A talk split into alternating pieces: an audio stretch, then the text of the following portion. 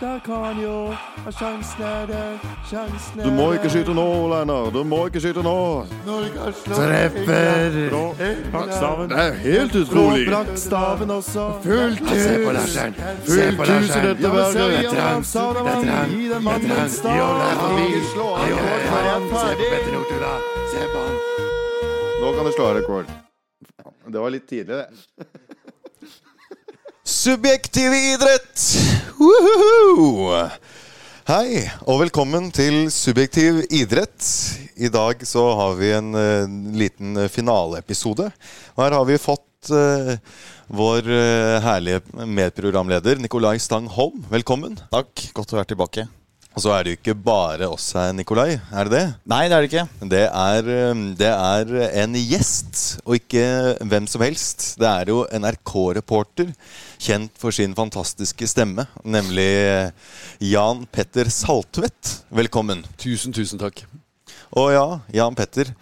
Uh, har, du noe, uh, har du noe kjennskap til idrett? Det vil jeg tro når du har holdt på med mm, NRK-journalistikk. Ja, altså det, det var jo en tilfeldighet. Fordi jeg var uh, egentlig ganske nyutdanna jurist og hadde tatt en eh, master i London uh, i eh, europeisk politikk. Så jeg skulle jo drive med alt mulig annet. Eh, det var en tilfeldighet jeg kom inn i NRK med en sjef som eh, ville ha folk med en annen bakgrunn. Som jeg glemte å stille akkurat det spørsmålet du gjorde der, om jeg kunne noe om idrett. Det var bare, var bare ren tilfeldighet at jeg var relevant for den jobben. Som jeg skulle ha et par måneder, bare så vi fikk testa det. Og eh, hvor mange år det har gått nå, det orker jeg ikke å begynne å regne på engang. Men jeg alltid Altså Et av mine første barndomsminner er at min far bare drar meg fra sandkassa og inn i sofaen og setter på fanget for at jeg skulle se på et eller annet som jeg har gravd meg fram til må ha vært et sommer-OL eller noe sånt. Eh, og så Indoktrineringa kom såpass tidlig, så idrett har alltid vært en del av, av min, uh, mitt interessefelt. Wow. Så, men du er interessert i det nå? Ja, men nå er ikke noe valg. det, det har med troverdighet å gjøre også. At vi uh, det, det er jo en blanding av å kunne bruke tid på noe som uh, eh, Eller egentlig er det mer å få betalt for noe jeg uansett ville brukt tida på. Eh, så jeg er dønn sportsinteressert selv. Jeg, har, eh, jeg ser i ettertid at jeg nesten har valgt venner ut fra at de også er det. Eh, så eh, på et vis skal jeg forsikre meg om at nivået på samtalene er, på, eh, er på en, eh, av en kvalitet som er godkjent. Eh, så nei, det er eh, Jeg har brukt altfor mye tid på sport, eh, men jeg tenker det har vært verdt det. Ja, eh, for eh, hva er din Hva er din morsomste slash merkeligste opplevelse i jobben som sportskommentator? Altså, det er jo Ja, hva er de merkeligste opplevelsene? Eh, nå, nå står jeg jo fortsatt midt oppi et presidentvalg i Norges idrettsforbund som har gitt en del eh, spesielle opplevelser eh, i det siste. Ellers så jeg, Da jeg skulle begynne som sportskommentator, og ikke bare lage eh, historisk tilbakeblikk og drive med andre typer sendinger og sånt nå, så gikk vi jo eh, Det var jo omtrent halvannen måned før, for, før pandemien, så det blei jo en sånn voldsom kickstart på å skulle inn i eh, inn i alt av smittevernreglement og ting som overhodet ikke skulle være relevant for noen av oss, eh, egentlig. Så det, hele den biten som jeg holder på med nå, tror jeg også Jeg er ikke det eneste i verden som har blitt prega av det. Men det at jeg trodde jeg skulle gjøre noe som ble til noe helt annet veldig fort, eh, er vel sånn på et makronivå det, det rareste. Ellers så kommer det så mye det kommer så mange engasjerte tilbakemeldinger på ting med folk som eh, er um, veldig, veldig, veldig inne i eh, problemstillinger som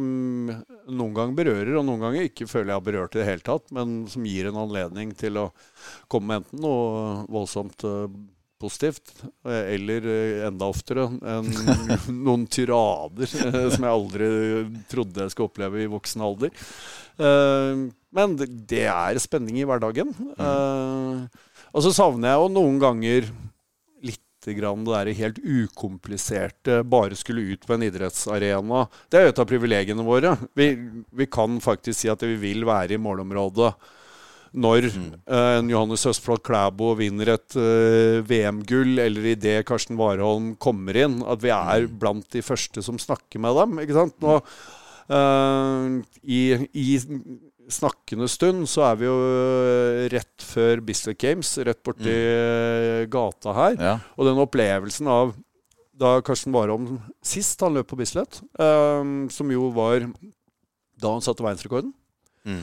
Det var en helt vanvittig sterk opplevelse for alle. Eh, akkurat fått tilbake Det var vel noe sånt som 5000 tilskuere eller noe sånt nå, som hørtes ut som det tidobla. Eh, en Warholm som endelig brøt den barrieren som han hadde virkelig eh, fått høre om så mange ganger at han helt åpenbart var på vei inn i sånn lite traume rundt det. Ja. Og så er det bare helt umiddelbare gleden selv hos en som har, har vunnet uh, så mye som han hadde allerede da. Sånne ting Mm. gjør et, eh, et uh, veldig inntrykk. Uh, sport er jo følelser. Mm. Og, og det å kunne være i nærheten av det hele veien er, Den biten syns jeg er et privilegium, i positiv eller negativ retning. Um, gått eh, som fotballelskende folk flest, så jeg har gått så mange mørke kvelder hjem og irritert meg over favorittlaget mitt Ja. at eh, det blir enda lettere å, å glede seg når man er i nærheten av at det går bra. Hva er favorittlaget? Altså, Hvis vi holder oss i Norge, så er jeg fra Tønsberg. Og det, det, er ikke, det har aldri vært lett å være engasjert i norsk fotball når du kommer fra Tønsberg. Nei. Eh, Fortsatt på nivå fire, i en by som tross alt har jo sånn eh, umiddelbart nedslagsfelt på 100 000 mennesker. Det er jo helt uhørt dårlig. Ja. Eh, og så hadde vi en kort periode på 80-tallet. Erik Torstvedt Erik Torstvedt. eh, spilte i Eik. Helt Tønsberg. riktig. Har han og- spilt i Tønsberg? Ja. Mm. Han var lånt ut fra Viking, Ja. eh, for de hadde såpass gode, eh, ganske voksne keepere at dette unge talentet trengte å bli matcha. Så han mm. ble sendt til Eik, som da akkurat uh, rykka opp. Eh, og så fikk han seg jobb på sportsbutikk, selvfølgelig, i gågata i Tønsberg sentrum. Som eh, alle, med, alle idrettsutøvere med respekt for seg sjøl drev med eh, den gangen.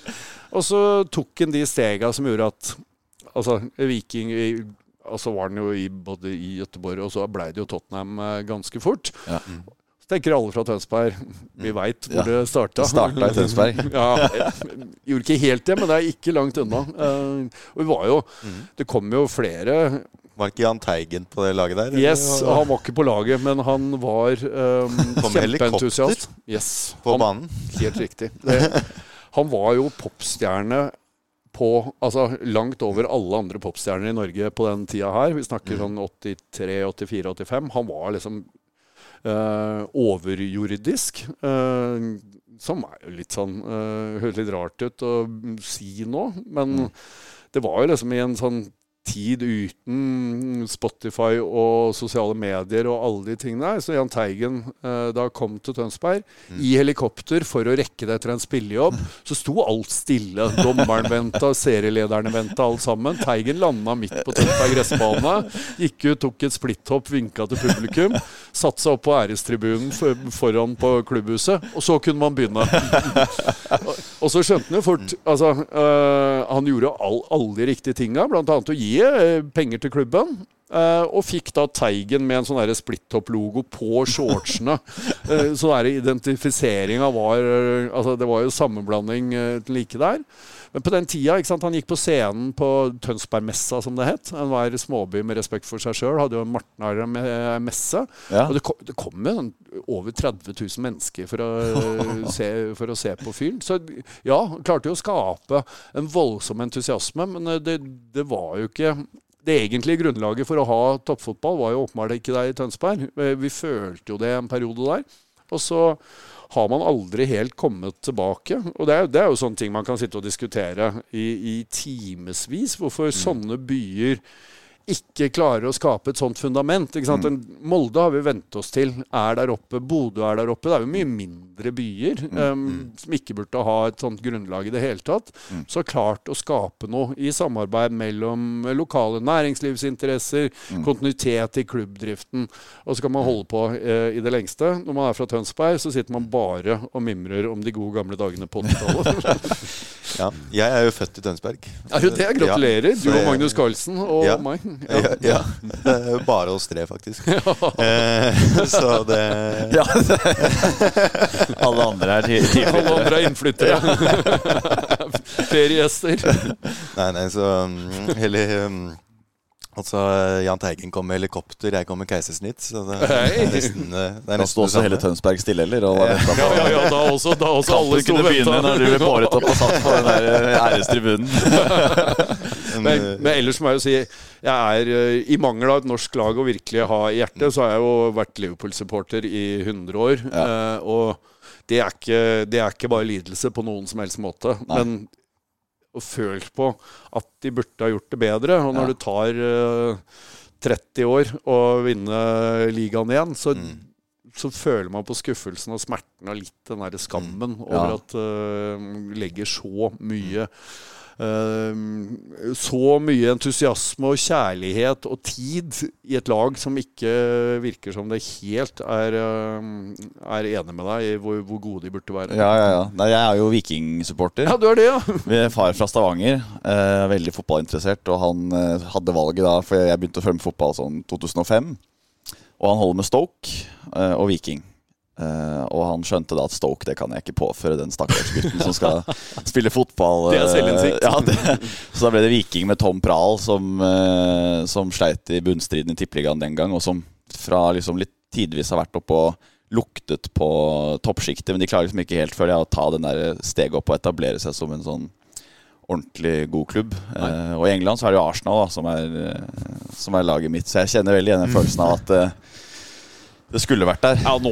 Ja, særlig da. Åttepoengsledelsen nå. Det, det er jo mange av oss som eh, satt og kryssa fingra for eh, Arsenal eh, der. Det Ja. så jo ut som det faktisk skulle gå. Det så veldig lovende ut. Og jeg, har mye tenkt på det, kanskje du også har gjort noen tanker om det, om liksom eh, Når det kommer til damer og kjærester, så klarer man jo en måte å få følelse for en ny kvinne på flere tidspunkt i løpet av livet.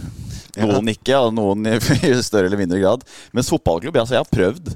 Ja, Du har prøvd òg, ja? Ja, da Arsenal var liksom på det mørkeste. Ja. Eh, Ona Emery høsten liksom 19 der. Da husker jeg tenkte at det hadde vært kult å holde med Liverpool. eh, og da prøvde jeg liksom å se noen kamper, og prøvde liksom å skape den følelsen av, av eh, Men det, det går bare ikke. Det er ikke kjangs.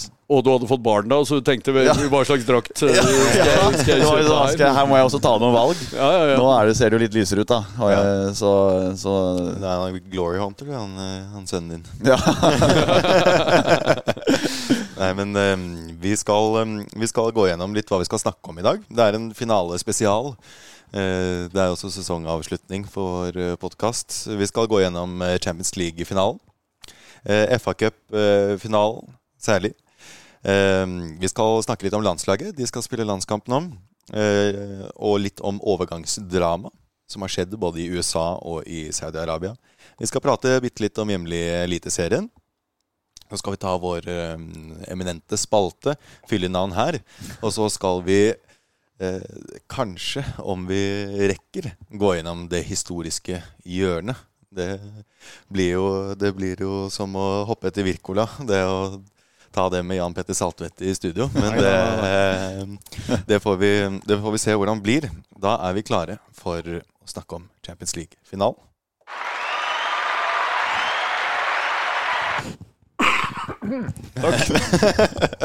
Vi er bare mennesker, vi også. Ja, ja, ja. Jeg kom på at Nå kommer jeg til å høres rørt ut når jeg skal snakke om City. Det går ikke an.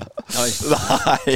Det er bare så vakkert når, det, de, der, de der emiratene virkelig får eh, lønn for strevet. Nei, det er jo Ja, det er rørende. Nå må jeg eh, litt, litt med skam si at jeg heier jo på City.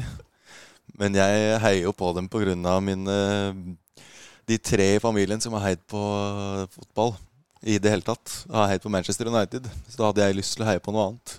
Oh, ja. Og så fant jeg ut litt sent at de har jo stått for litt sånn ymse ting, de City-eierne. Men uh, altså eh, Nå er det jo Det er jo ikke noen vei tilbake for deg heller. Nei, og altså Jeg skal ærlig innrømme at det er veldig gøy. Men um, jeg er i hvert fall ærlig på det. det, det skal jeg, jeg skal ikke legge skjul på det. At det er eh, Vi får er akseptere den biten der. Ja, så får jeg akseptere de ligatitlene, Champions League-titlene. Så med, med tungt hjerte så Ja. må jeg, skal, jeg, skal jeg ta dem imot. Og så er det ikke langt unna at United nå går, i samme, går inn i samme sporet. Nei, nei, nei, nei det, det, det kommer helt sikkert. Det virker som de ikke har tenkt å gi seg før eh, Og, og da skal jeg like å se hvilke United-fans som ikke Som som ikke hyller det. Ja, som ikke hyller det. Det, De har vel begynt allerede. Ja. Vil Heller ha, ha Qatar enn uh, Jim Radcliffe. Ja. ja. Men eh, vi kan jo snakke litt om, eh, om ikke Champions League-finalen. Altså jeg som evig pessimist tippet jo 1-0 til Inter. Men det så jo ikke så eh, ille ut. Altså, Romelu Lukaku var jo i beste Manuel Neuer-stil. Eh, reddet jo oss på strek mang en gang. Ja, han gjorde det. Han gjorde det. Klarerte og det som verre var. Det, han, da. Skal du få. det er eh, Det er eh, Ja. Så det endte jo med noe så merkelig som at City klarte å ha tur i Champions League. Det, det var et uh, Var det som måtte til. Ja, det var eh, Og jeg tenkte på det, heldigvis var det jo toppspissbare fra VM. De var vel eh, Hadde vel flere klareringer i VM, både Lautaro Martinez og Romelu Lukaku. Så det var jo det som reddet oss. Jeg vet ikke, Dere så vel på Champions League-finalen, begge, begge to går ut fra? Det stemmer. Jeg satt og så den i København Ja. eh, blant en gjeng med italienere som var er? Inter-supportere. Ja. Og de var veldig pessimistiske. Jeg hadde jo litt troa på Inter, fordi jeg så den semifinalen, og jeg syns Inter var utrolig imponerende mot uh, AC Milan. Uh, og så sa jeg til de italienerne fra kampstart du skal aldri undervurdere det å krige. Og det å ville. Uh, og så så du ganske tidlig at City så ut som de hadde litt høye skuldre. De gjorde noe eh, slurvefeil. Og de så liksom ut som at de hadde en følelse av at det var mye å tape. Og jeg tenkte at dette går faktisk kanskje Inters vei. Og så kom det øyeblikket hvor Martinez eh, plukker plukker det tilbakespillet. Ja, Og jeg tenkte kanskje. nå sitter det 1-0. Og så velger han å skyte istedenfor å slå 45 til Lukaku. Da tenkte jeg nå vinner City. Eh, Og da Var det noen som skjønte å slå 45? Ja, det, var, det, var, det stemmer. And, uh, ja. Nei, nei. Eh, Det, det, var, jeg, det, var en stund der hvor jeg egentlig tenkte mest at uh, City er snille. De, de, de, vil ikke, de holder på spenninga en stund. Ja. Uh, det, var, det var jo rett og slett et produkt av, av kampene mot Real Madrid og Bayern München. Ja. Fordi, mm. Altså Og igjen eh, Tilbake til eh, min eh, tidligere kollega Arne Skeie. Altså, mål betyr betyr mye i fotballkamper. Eh, Uh, vi skal ikke spole helt tilbake til alle kampene på veien, men? Bayern München har noen store sjanser eh, på Etiad Ja. mm. som kunne ha snudd hele fortellinga allerede der. Ja. Og etter det så bare ruller de over dem. Uh, det er jo i medgang helt vanvittige. Eh, og så er jo akkurat eh, Du ser jo eh, det du sier der. Inter får jo kampen akkurat eh, dit de skal ha den. At de ikke skårer mål på slutten der og skaffer seg de ekstraomgangene. Og hvor høye de skuldrene hadde vært der. Ja. Ja. Jeg tror Inter hadde tatt det. Altså City hadde blitt liggende bakpå der, som de jo i stor grad gjorde. Nå fikk de jo vist at de kunne kjempe seg til en seier også, når det gjaldt som mest. Når nervene åpenbart tok dem. Når de hadde De mangla totalt den flyten de har hatt eh, egentlig hele vinter. Mm. De har jo ikke tapt siden disse 115 tiltalepunktene Ja. kom. Det var liksom Det var der det snudde fullstendig for dem. Ja. Eh, De taper jo bare mot Tottenham og Ja. Liverpool borte. ja da. Du kan jo ta på Vålerenga Vålerenga-laget Liverpool-drakter på Anfield, så slår de jo City. Jeg så Vålerenga hjemme hos Strømsgodset i går, og vil gjerne være med å diskutere akkurat den teorien der. Det, ja, det, det gjorde jeg også. Det, og jeg tror han dommeren Ikke for å røpe noe til lyttere som skal se den i opptak igjen i dag, men eh, Tusenvis av lytterne skal se den i opptak.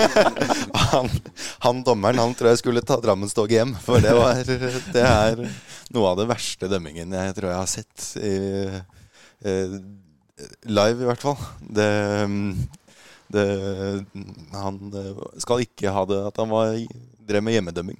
Nei da, han gjorde ikke det. Men eh, og det straffesparket kan man jo definitivt også diskutere der. Men, eh, Vålerenga fikk vel litt som fortjent her, for å ta digresjonen videre. Det går ikke fort framover Nei, eh, det, i øyeblikket. det, gjør det, det gjør det dessverre, dessverre ikke. Men eh, lurer på, vi lurer på, Jan Petter, du som har vært eh, reporter, har du, hva er ditt sterkeste Champions League-minne? Det kan jo også være serievinnercupen, den uh, cupen som var før. Ja, det, det var jo 93. jo dels det er viktig å bare flette igjen litt selvskryt der man eh, har en noenlunde naturlig mulighet. Ja, det er viktig. sterkt barndomsminne er jo å komme på sånn derre som tok sånn, Hva het det? Det sykkelmerke, eller hva det var for noe på ferdighetssyklinga som man hadde på skolen? Ja, ja, ja. Man skulle gjennom kjegler og, Ja, ja, ja, ja, og Og sett sånn. klosser og sånn. Og så endte jeg i Vestfoldfinalen og, og kom på andreplass, som, jo som var Føltes i hvert fall som min største idrettsbragd noen gang. Og så, rett derfra, så utrolig kry. Rett hjem til Liverpool i, eh, i daværende serievinnercup-finalen. Eh, det må ha vært mot Real Madrid, tror jeg til og med. De Ja. Vi vinner 1-0 på et eh, Alan Kennedy-mål der. Så, sånn idrettsmessig så tror jeg jeg er veldig nær den største dagen uh, i mitt uh, liv. Eh, 2005-finalen. Mm. Nå, nå var det finale endelig i Istanbul igjen. De skulle mm. ha hatt den omtrent de sju siste åra. De Ja. bli flytta hver gang.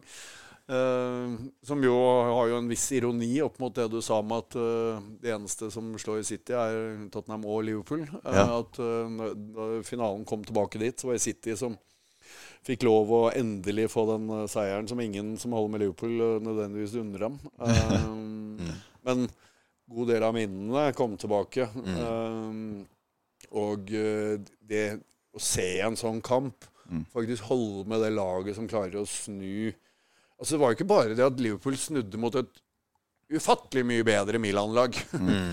altså Den flyten de fikk inn der, de der psykologiske tingene vi Ja. om med City der, så Ja, bare plutselig slår inn alle sammen på én gang Ja. eh, i andre omgangen eh, der.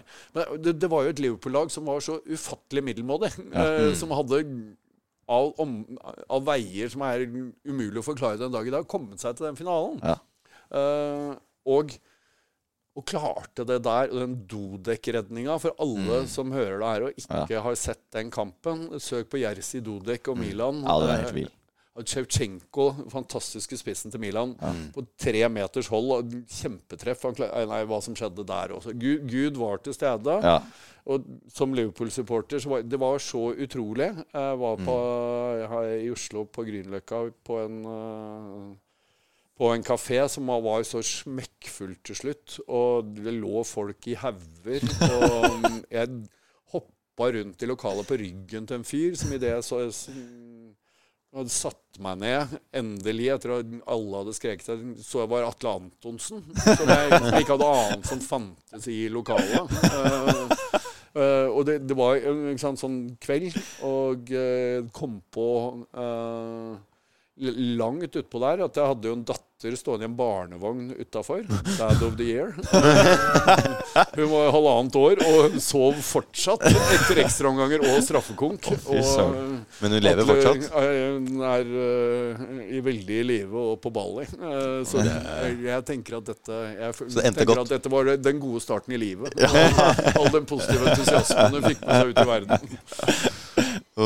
Ja, Ja, det er ja, det var en fantastisk finale. da. ja. Det var jo helt vilt. ja. uh, ja det, det er sånne syke opplevelser altså, Ekstra mye å juble for, men det er jo den type kamper. For alle oss som liker fotball. Altså, de, de husker man jo uansett hvem som spiller dem. Ja. Uh, og det er ikke så mange av dem på når, når du ender i en, i en mesterligafinale. Ja. Det, er noen, det er noen kamper som gir deg følelsen at de på en måte er forutbestemt. Ja. At det på en måte er et manus der. Mm. Og det er gjort bedre enn film kan skape det. Ja, ja, ja. ja nei, sånn, nei, det der kan vi ikke gjøre. Det er ikke troverdig lenger. Det er ikke sant. Den scenen må vi droppe. Ja, ikke sant? Og så likevel så klarer noen kamper å levere det. Eh, og du liksom uh, Og det er de kampene man jager, og de øyeblikkene man jager. Jeg husker jeg tenkte den sesongen her, da Reece Nelson skårte 3-2 mot Bournemouth, så tenkte jeg det var øyeblikket. Yes. Nå blir det Over seriegull. åtte minutter på overtid. Ja, ikke sant? Ja, det var sånn 20 sekunder over 97, og Ja, ja, ja. 97-20. Ja. Og han slår til med venstrefoten i lengste. Da tenkte jeg at dette her er sånn man kommer til å snakke om om 20-30 år. Og det var liksom, Nå vinner Arsenal ligaen med to poeng, og så var Du husker hvor du var og Ja, ja, ja. og alt sånt. Mm. Jeg satt hjemme, jeg hadde gitt opp egentlig.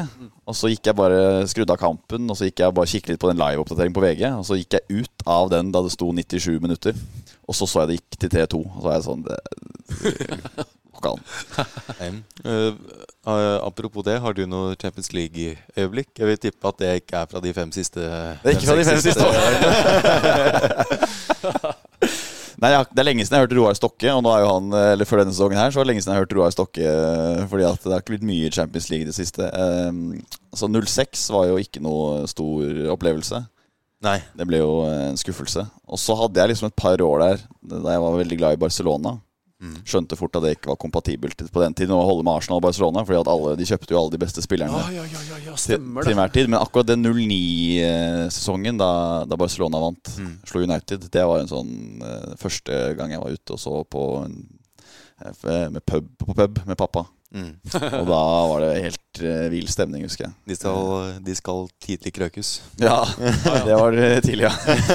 Men uh, nei, det var vanvittig. Og, og Messi uh, Ja, for et vanvittig lag. Ja, det er helt, det var helt- Jeg så noen gamle klipp før finalen hvor de viste da Guardiola, altså tidligere laget, og så fikk man noen klipp fra den der Barcelona-laget. Det er helt vanvittig hva, eh, hva de gjorde. Det man glemmer der, var at han fikk et lag som var 20 poeng bak eller noe sånt i La Liga sesongen før. Ja. Solgte mange av de største spillerne, Ronaldinho, Deco, eh, eh, og tok inn mange La Masia-spillere. Lionel Messi ja, han kom vel på tredjeplass i Ballon d'Or i 2007, men han var ikke i nærheten av så god. Og det glemmer man litt. Eh, også det samme Bayern München. Ja, de hadde vunnet til Treble eh, sesongen før han kom, men det var han som gjorde at eh, Bundesliga ikke har vært mulig å vinne, vil jeg si. Altså det. Guardiola Ja, men da vant de jo likevel. Eh, men Så det Guardiola gjør, og det at han Og det vil jeg også si er en et kompliment til Liverpool også, da. Det, at det er jo et av få lag som har klart å faktisk slå Guardiola-lag. Det er dem og Real Madrid med Mourinho i 2012 som har slått Mm. Og så Chelsea, da, selvfølgelig 16-17. Men Mm. Ja. Nei, men Det er jo helt vanvittig eh, statistikk han har. Mm. Uavhengig av hvor mye det blir snakka om at han tar over de beste laga og, Mm. eh, og får ubegrensa med midler. For det har jo ikke vært sånn hele tida. Særlig grepene Eller Mm. særlig, men veldig tydelig de grepene dere snakker om fra Barcelona. Fordi Mm.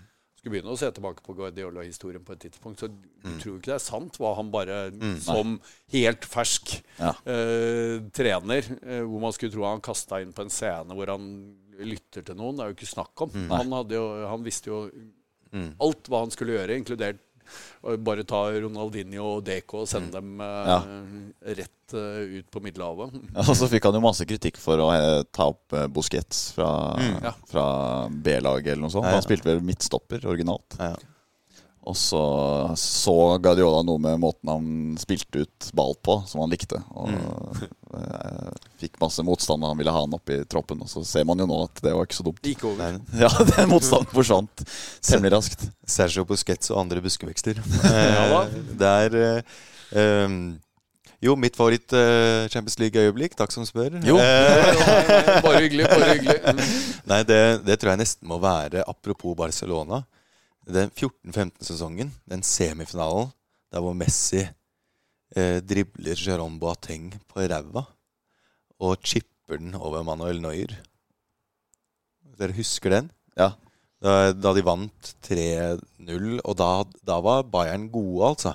Og Neuer sa det, at han skulle vise hvem som var den beste spilleren i verden. Og, Uh, det, men det laget der, ja. det laget der, med Neymar Suárez og Messi Det var et eller annet helt magisk med dem, selv om de, det er lag som har vunnet flere titler.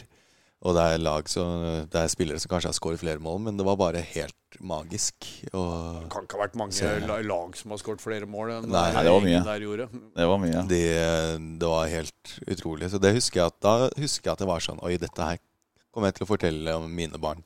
Så det overgår årets eh, Champions League for din del? Eh, det, ehm, det var det, det, det som er litt så vanskelig, er jo det at eh, jeg er jo også litt finsk. Så det er litt sånn de titlene Hver tittel til finske langrennsløpere. At det er litt sånn Ja, det er stas at de vinner, men det er alltid med litt sånn vond ettersmak. Så det er det jeg tenker med City også, at jeg vet ikke helt om de får beholde den, eller om grunnlaget eh, Det er litt sånn er, usjarmerende uansett. det er jo bloddoping. Eh, Så Ja. det, er, det er et eller annet med det. At det er liksom sånn Så det misunner jeg kanskje dere som heier på lag som ikke har eh, du, fått eh, det grunnlaget. Altså Guardiolas lag, de har fortjent det. De er jo gode nok, men det er grunnlaget det er bygget på.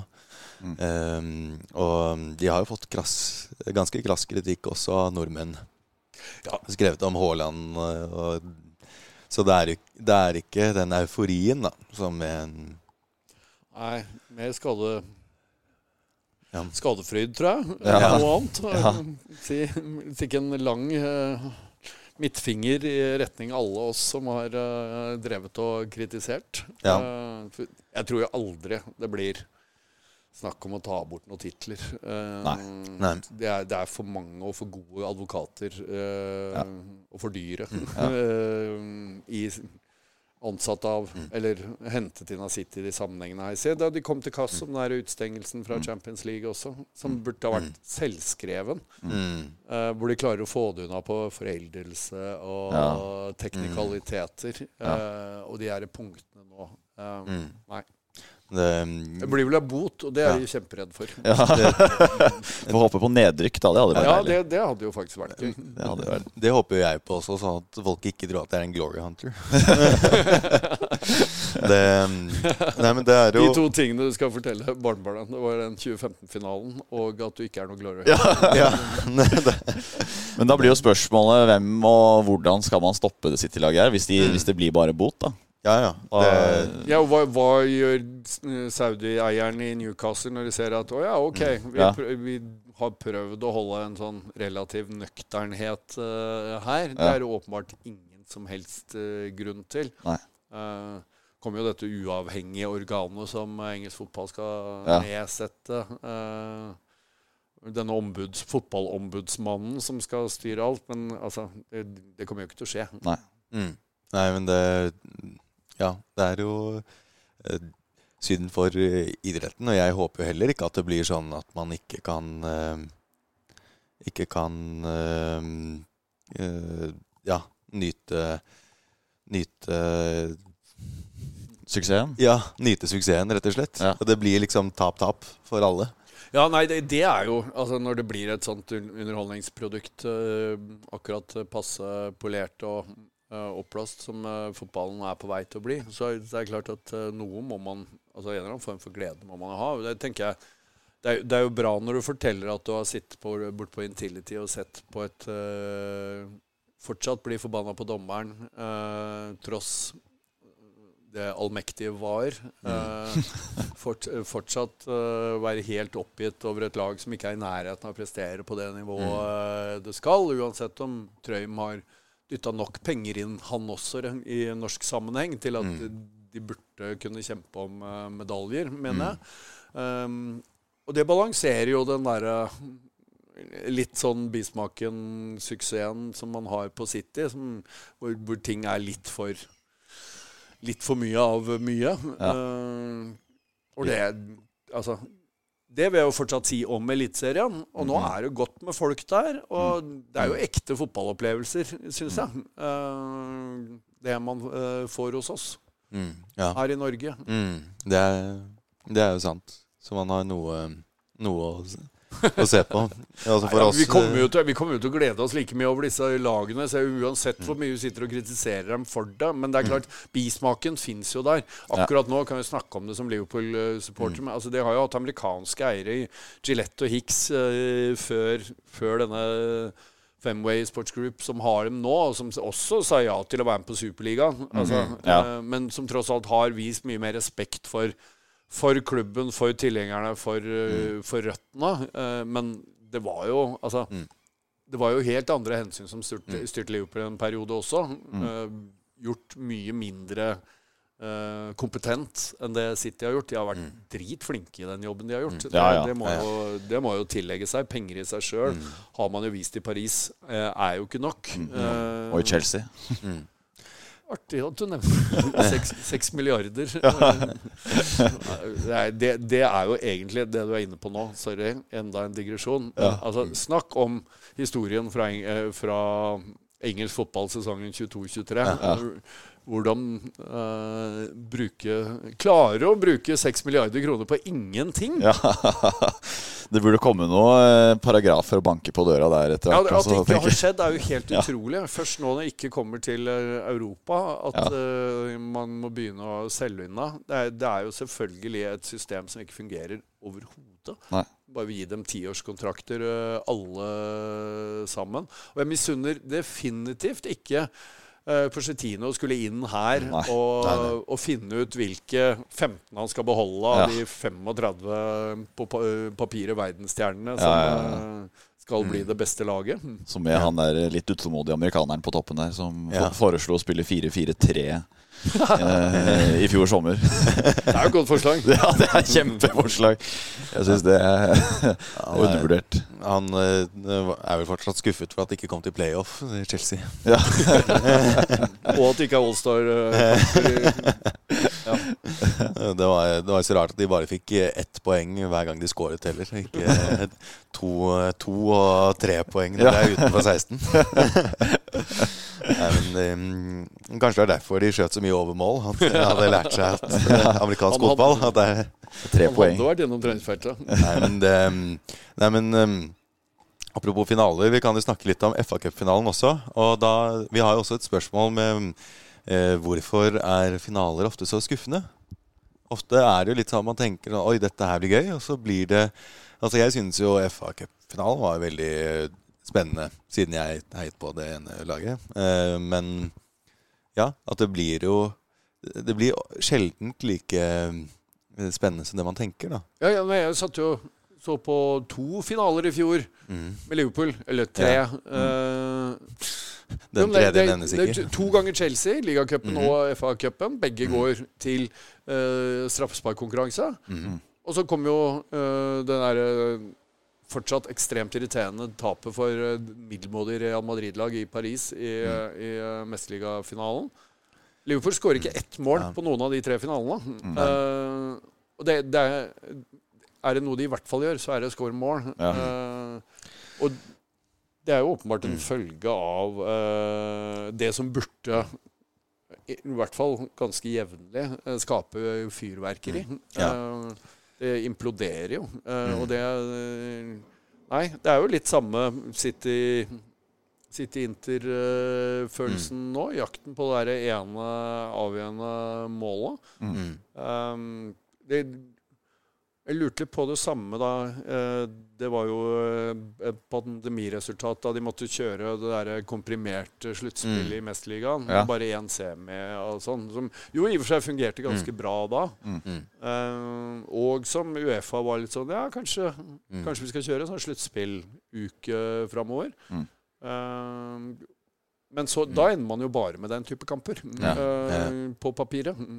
Så Nei, det er jo skuffende. Jeg syns jo, jeg syns jo ikke FA-cupfinalen var noe sånn veldig eksempel i den sammenhengen. Nei, det var det ikke. Jeg syns jo faktisk der, det, der kunne det vært enda flere mål eh, også. Det, jo, det var jo mer bare sånn generelt. Ja. Eh, men nei, som sagt, jeg syns jo Og jeg syns at det var spennende med målsjanser til begge lag også. Så jeg, jeg satt Jeg, jeg jublet ikke før fløyta var blåst, jeg. Men jeg har jo traumer fra både eh, Champions League-oppgjøret mot Tottenham i 2019 og mot Ja. Real Madrid i 22. At- Og du nevner ikke engang Chelsea-finalen i 21. Ja, det, jeg tror jeg aldri Jeg tror jeg knapt har vært så irritert i mitt liv, nesten. Da Ja, men det er jo nesten altså, Jeg har fortrengt det. Jeg Ja, men Med all hyllesten av Guardiola, Ja, ja. er jo det en sånn altså, viktigste kampen han har hatt på veldig lenge, i hvert fall. Mm, Og i hvert fall den med størst press på han også, om at jo, nå skal dere gjøre det. Ja. Chelsea er høyst middelmådig der. Mm. Eh, dette vinner dere. Og nå husker jeg ikke detaljene i det lagoppstillinga. Han gjorde altså noen sånne grep der som var Gundogan var defensiv midtbanespiller. Ja, da Han var, hadde jo, var toppskåreren til City og hadde spilt spiss, nesten. Ja. Eh, apropos klubblegende, han Gunnovan. Eh, ja, helt, eh, eh, han har vært helt vanvittig god. og hadde Raheem Sterling som spiss. Eh, jeg synes å huske at de hadde eh, Gabriel Jesus også, jeg vet ikke. Men det er det er ikke et spisspar med mye mål i seg, Nei, dessverre. nei, nei, nei. De trenger mange Det er det motsatte av Haaland. Trenger mange sjanser. Ja, ja, ja den, jeg fikk jo litt, du var inne på den norske her, jeg fikk jo litt følelsen Jeg vet ikke om dere husker den der eh, Det er playoffen eh, med Per-Mathias Høgmo mot Ungarn borte. Ja. Vi måtte vinne. og Han kom ut med Martin Ødegaard og Markus Henriksen som spisspar. Ja. Eh, og, litt samme følelsen av Guardiola. Men selv, altså selv hos han så virka det som om finale Det der store finalemonsteret var så skremmende at Ja. eh, han ikke, ikke lenger turte å være seg selv. Og det, det er vel Konsekvensen av å tape overgår eh, det er utsiktene til å være, være én kamp unna å vinne. Ja, ja. Men apropos det, så tenkte jeg at vi kan snakke litt om landslaget nå også. Siden nå skal det jo være viktige kamper. Og jeg har jo alltid hatt tro på landslaget. Men jeg husker Det var den kvaliken hvor jeg virkelig fulgte med. Men hvor vondt det gjorde, særlig det tapet mot Italia.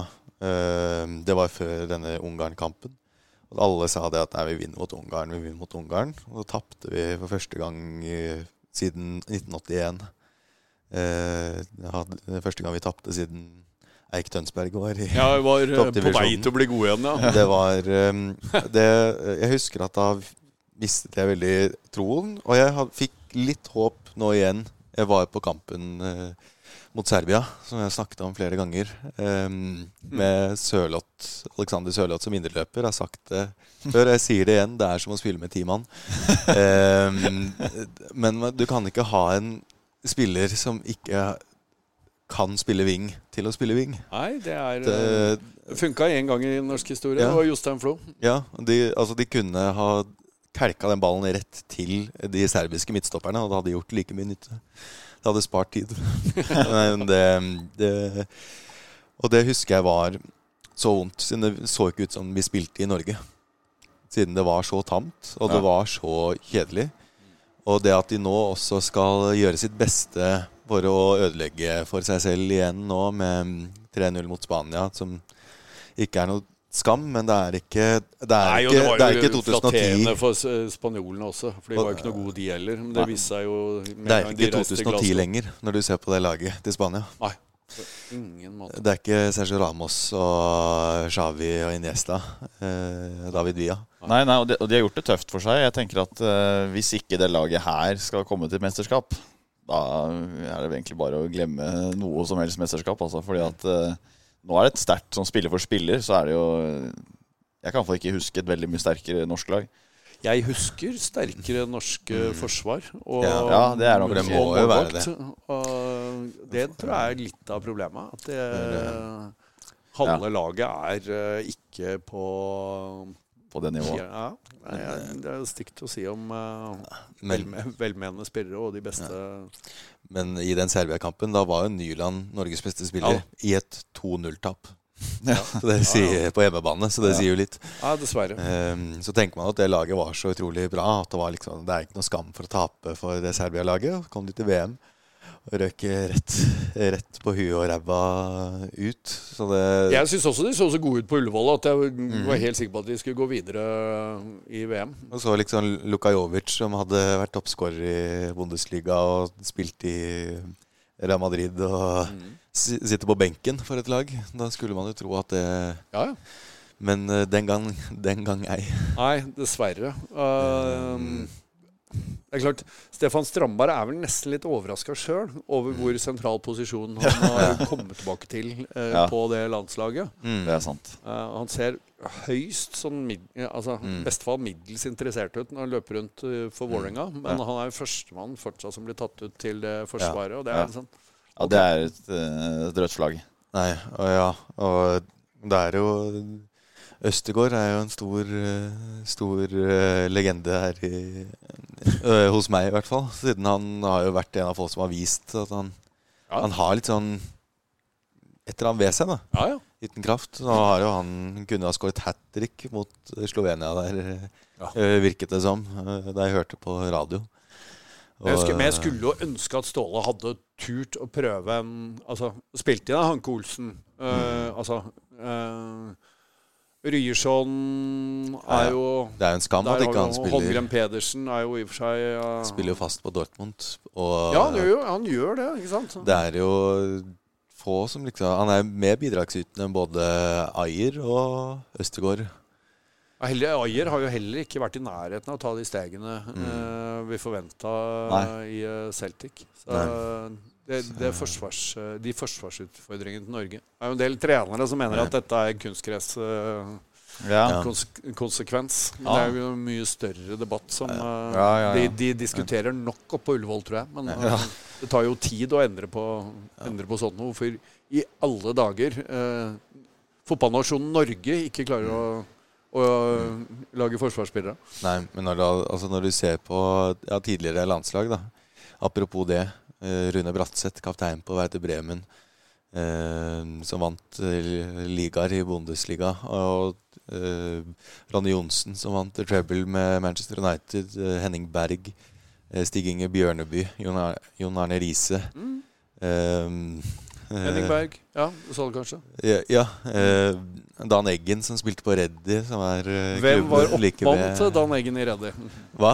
Hvem var oppmann da Dan Eggen spilte i Reddy? Eh, eh, var det deg? Ja, meg. ja. Oi, oi. Reddy er jo der hvor, like ved der hvor jeg har vokst opp. Ja, det er det, ja. Så det er stor legende. Da. Det er ned som et quiz-spørsmål hvem som var oppmannen. Ja, ja.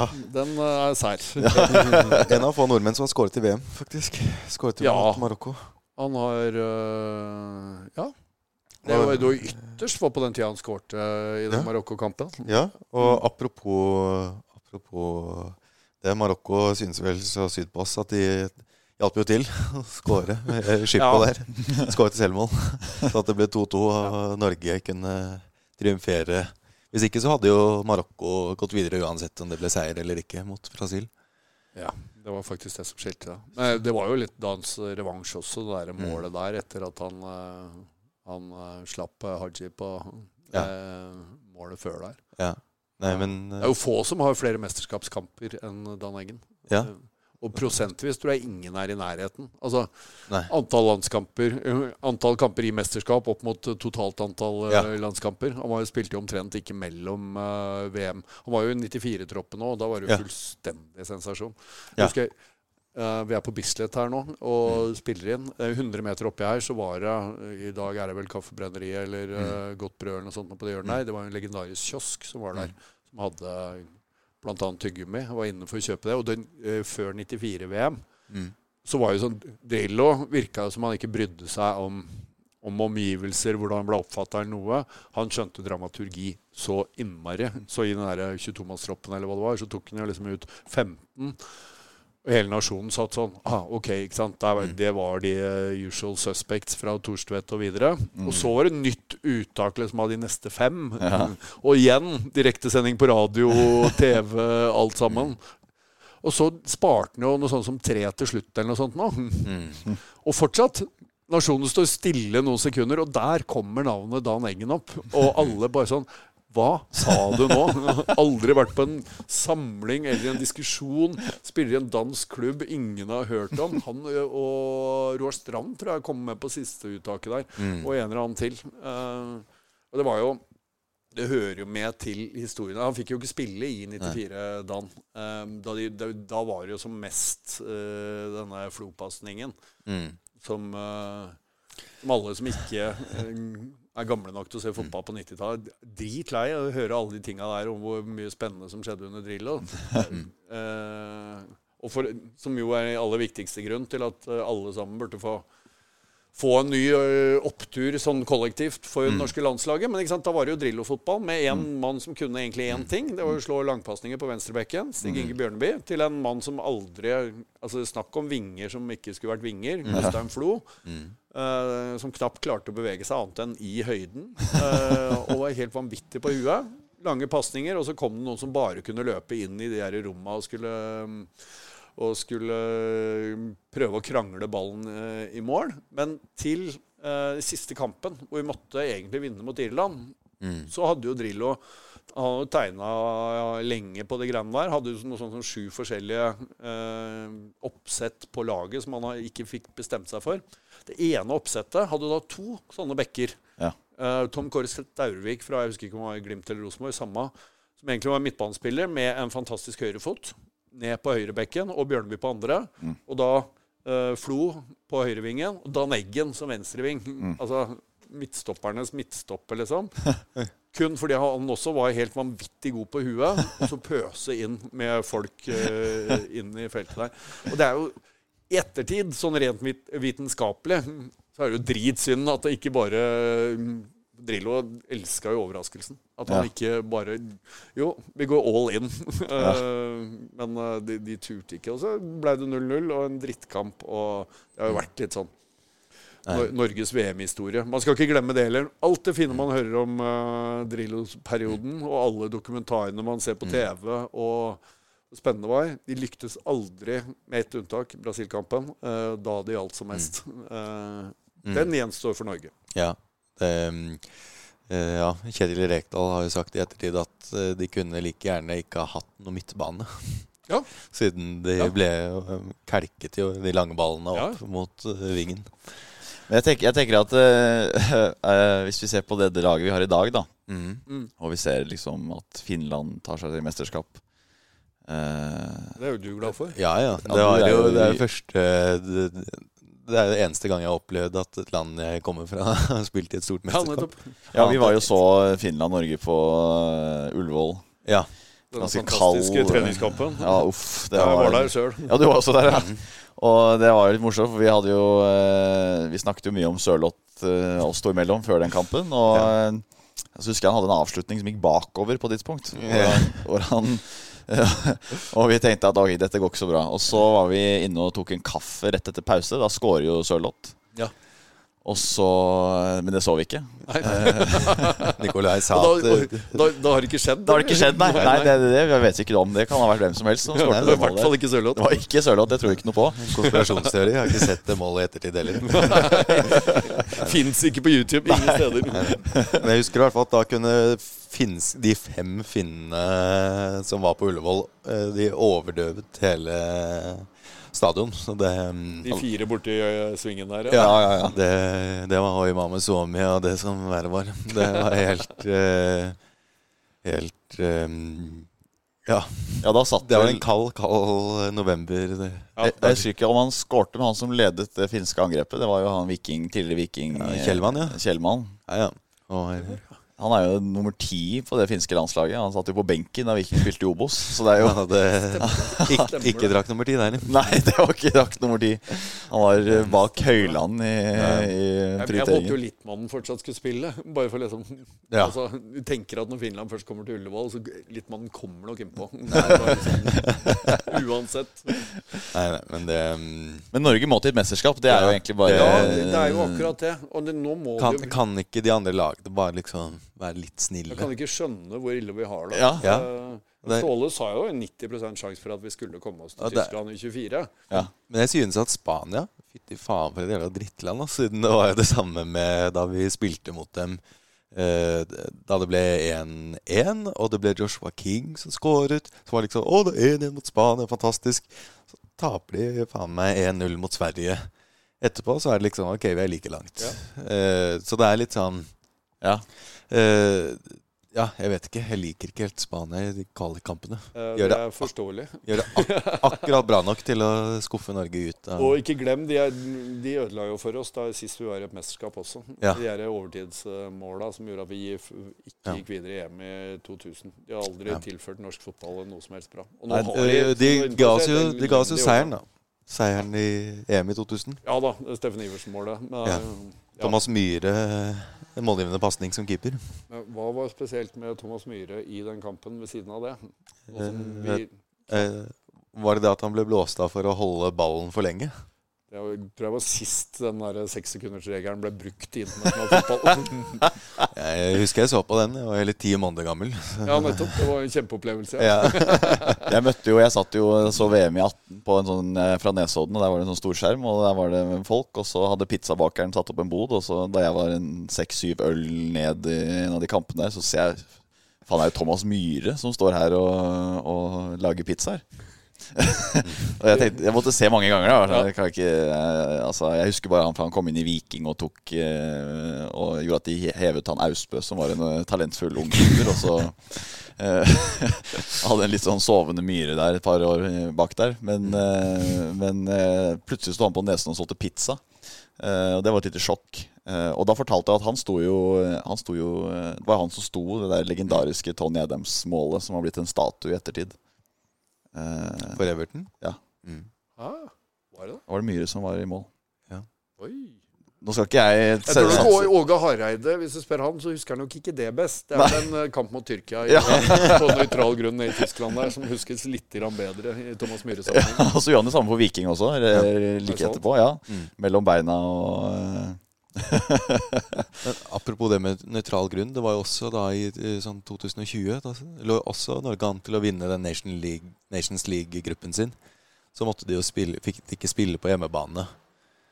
Og det er jo- Det var jo da det var nødlandslaget som spilte mot Og Østerrike, ja. Østerrike. Og det nødlandslaget gjorde det bedre enn det landslaget noen gang. eh, De kom inn med en entusiasme man ikke har sett Ja. hverken før eller siden. Det var Og veldig, da, veldig gøy. og da var det også sånn at man tapte med ett poeng fordi eh, man måtte tape på walkover. Og hadde man vunnet den, da hadde man jo fått kvalikplass, vel? Fordi, men så kom vi jo på fjerdeplass. Det er jo det som kan det- redde oss nå, da. Altså, Ja ja, men La oss Norge krysse fingra for ikke en pandemi, og Ja. vi slipper å måtte tenke på det her eh, nasjonsliga bakveien. Men men, altså men, Klarer vi det ikke nå, med, som du var inne på i sted? Det er Ja. spillemateriale, og altså, vi får jo så mange sjanser her. Da må jo Solbakken gå. Ja. Ja, eh, gjør jo ikke det. De forlenger jo kontrakten Ja, i en lønnsøkning og hele pakka. Men eh, ja, for skal vi tro TV 2, så har vi jo en spiss som alene vant Champions League Ja. med, Bryne. Fordi at det var det jeg så i det, det, på TV 2 Nyheter etter, etter finalen der, var at Bryne Nei. feirer Champions League-gull, og, og Haaland vant. City, City deltok da Ja. Haaland vant. Ja, ja, ja, fikk lov å være med. Ja, de hadde jo sånn der, TV 2 hadde jo sånn der Haaland minutt for minutt. eh, man kunne gå inn og så se altså, kamera som kun fokuserte på hva han gjorde i den Ja, finalen. det var lite å se. Såpass, ja. ja. Han har jo hvor mange berøringer hadde han? Det, ja, men det var um, det, det er bare sånn Det skal liksom aldri gå. Og han Lars Lagerbäck også, som fikk eh, Island til kvartfinale, førte Norge til fjerdeplass i kvalikgruppen av seks land. Nå har Åge Hareide tatt over i Island. Nå Ja, er vel sant deres tur til å gå til mesterskap. Ja, sikkert. Ja, ja. ja, han gjorde det kjempebra ved Danmark, så det er sånn eh, så lenge det ikke er norske lag, så skal det jo gå bra. At danskene kunne Altså nå Kasper Hjulmann virker som en Mm. uh, fyr. Så, Mm. Men De sparket jo ham De sparket Hareide rett før EM, selv om han hadde ført dem til åttendedelsfinale.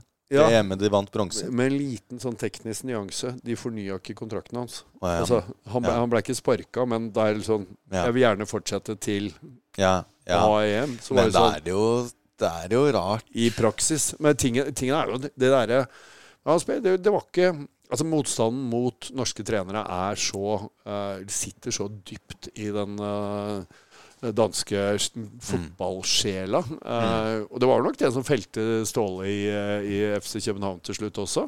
Men tross historikken hans. At han Spilte jo måtte- 1-1 mot Guardiola i 2010. Og, ja, altså At han måtte gå der etter ja. så kort tid etter han hadde hatt en rekke ingen, danske, ingen trenere har hatt i eh, Norden. Danmark, hadde ikke skjedd. Jeg er ganske sikker på Hvis han ikke har vært nordmann. Og det er greit nok. Det er forutsetningene. Men det Hareide gjør med det landslaget, Mm. den VM-innsatsen i 2018 hvor de Ja. ikke syntes de spilte morsomt nok, Ja. Mm. så bra var ikke det laget heller. De er de Nei. eneste som uh, tar poeng fra verdensmester Frankrike i, i uh, mm. På veien der. Ja.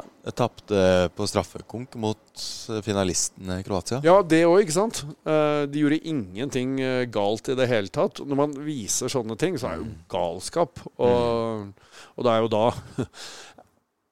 Åge er jo ekstremt lojal i sammenhengen, og han og Kasper Hjulmann er jo virkelig på veldig Er jo på veldig god fot.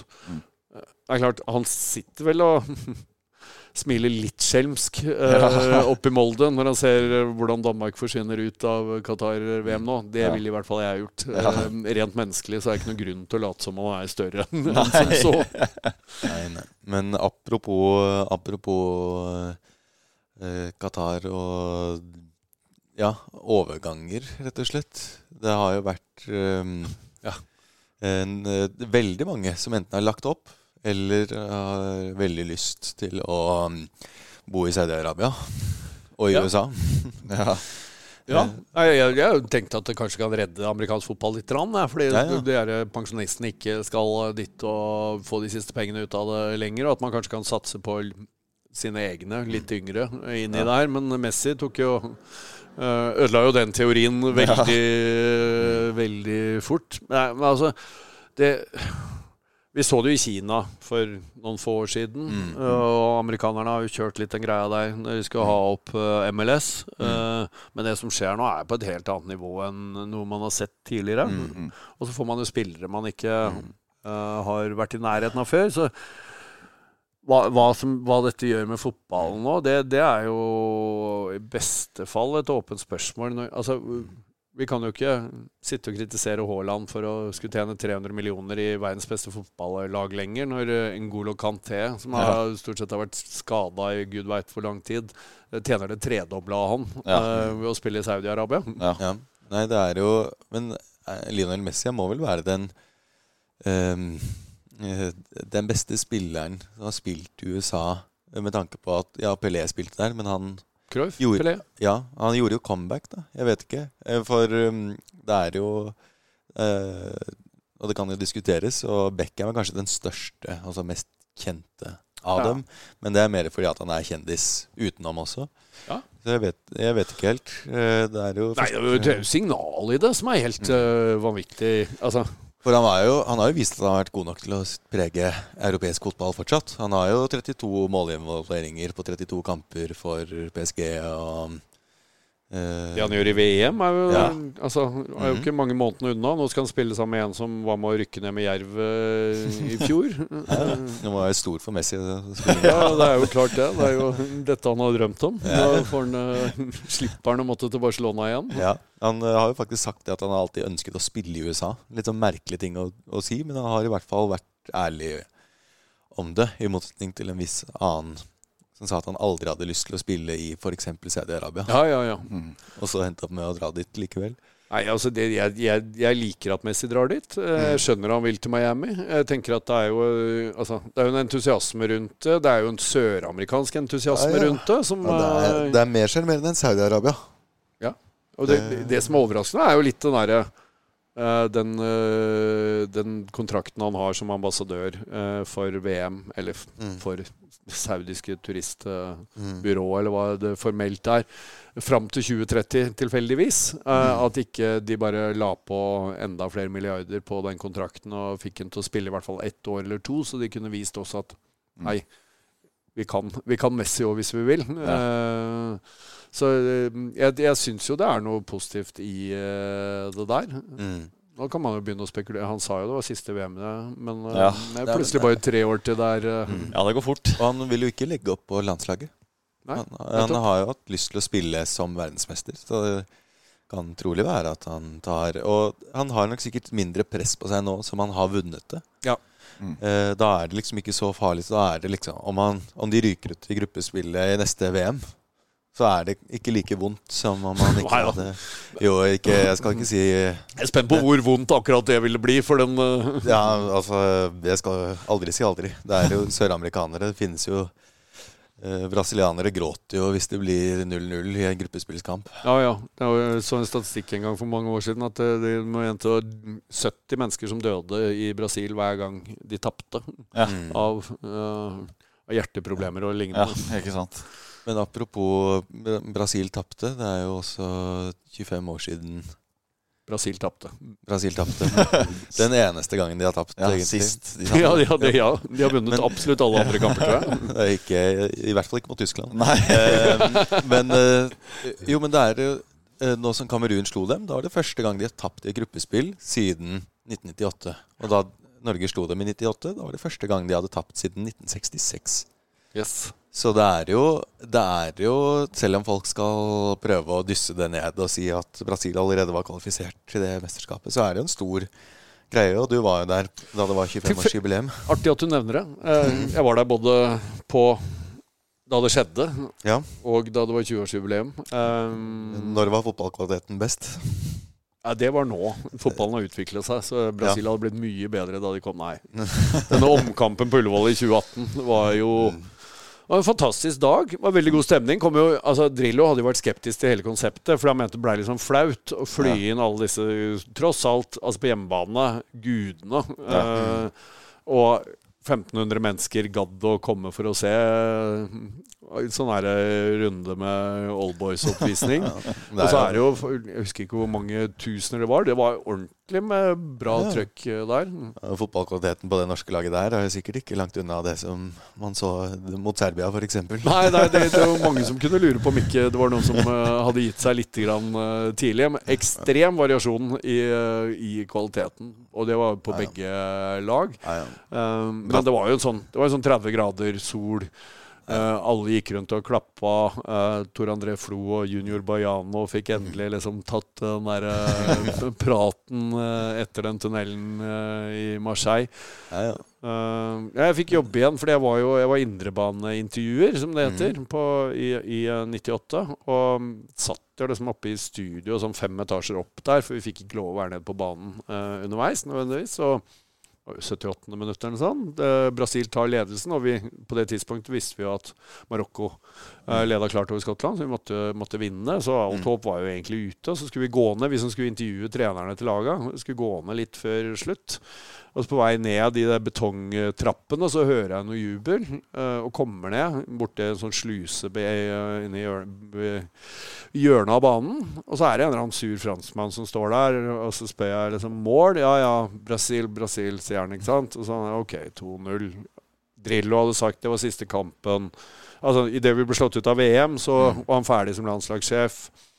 Eh, Drev og, og skrev ned spørsmåla mine til eh, sånn takk for, eh, takk for innsatsen. Og jeg hører skriking. Og det er Hele tribunen til venstre for meg liksom er nordmenn. Og du hører en sånn skriking. Jeg sånn, Jøss, det var jo voldsomt til entusiasme på 0-2 og, og fem minutter igjen av ordinær tid. Så jeg må jo til slutt liksom rope opp til dem. Altså, sånn der, Hva skjer her? Det er 1-1. faen, Sånn, dette kan gå, det kan gå. Eh, og så kommer jo den der straffesituasjonen og skriket og alt sammen. Ja. Og, og så må jo uh, vinnende lag få lov å intervjue treneren sin først. Så jeg husker fortsatt det der ekstremt gretne, sure ansiktsuttrykket til den derre dyrt dresskledde brasilianske stjernereporteren som da måtte gå ut for at han derre gjøken fra Norge kom og skulle intervjue Drillo i gummistøvler uh, der ute. Um, og Drillo kommer bort mot meg. Og han hadde jo ikke sant, han hadde bygd opp en hel karriere på aldri egentlig smile eller altså, han var, Folk var jo redd for han. Og så plutselig ser han mikrofonen, NRK, og jeg hadde jo snakka med han en del ganger, og tårene begynner bare å piple av Altså, uh, mannen som aldri hadde vist et, noen følelser. Jeg tenkte wow, og er liksom ett sekund unna å få dette rett hjem til to millioner som satt og så på det her, og alle, de fleste var på vei ut i gaten allerede. Og så snur han.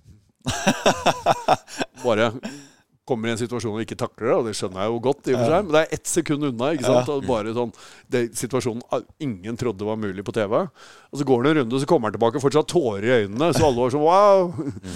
Drillo, tårer i øynene. Og så er jeg sånn Nja. Det, det skulle bare sett før deg. Men dette er jo før Altså, ikke er det noen kameraer alle steder, ikke er det mobiltelefoner, ikke sant. Så det, er, det eksisterer ikke annet enn oppi hodet mitt. Eh, men så får vi jo der, og alle er glade og skal, jo spille mot Italia igjen, da, og taper jo. Um, Dan Eggen, vår helt, blir løpt fra Christian Vieri. Um, men akkurat det der Den følelsen der. Ja. Og tenker, var i Marseille, var inne på banen, jeg var midt oppi alle stjernene. Og så ser man bildene fra hvor som helst, om det er Kåfjord eller Karl Johan. Og tenker i dag ville jeg vært hjemme, egentlig. Ja. Og det, det er jo det kuleste av alt. Ja, eh, Det der. At det var en enda større opplevelse å faktisk ikke være på kampen eh, når Norge gjør noe sånt. Nå. Ja, det er utrolig. Eh, Så den jeg, jeg håper jo folk den dagen det plutselig skjer noe, at vi kvalifiserer oss til noe, eller kanskje til og med gjør en eller annen bragd. At vi ikke Mm. er så, blitt så blaserte på veien og sett så mye. ikke sant? Mm. Man, vi får det hele tida. Og det, igjen, tilbake til å høres gammel ut, men det var ikke fotball hver eneste dag, alle kanaler, tilgjengelig hele veien. Nei. Så når det først kom, og at landslaget begynte å bli gode, så det blei så enormt stort. Men jeg tror jo jeg tror den gleden og det potensialet over å oppleve det med et landslag fortsatt ligger der. Ja. ja. Sier jeg helt til lørdagen mens vi snakker her. Ja. Da, et eh, litt, eh, litt urettferdig 0-1-tap hjemme for Skottland, så tenker jeg Da er det en annen lyd. eh, annen type entusiasme. Ja. Scott McTominay blir, blir som Graham Sunes i ja, den, de finalene du snakket om på 80-tallet der. Yep. Nei, det mm, Nei, huff. Og Italia. Og ja, Dan Eggen. Han var jeg sikker på at det ikke var han og ikke Dan Børge som var på den Nei, ja, nei, nei, De har litt samme sveis.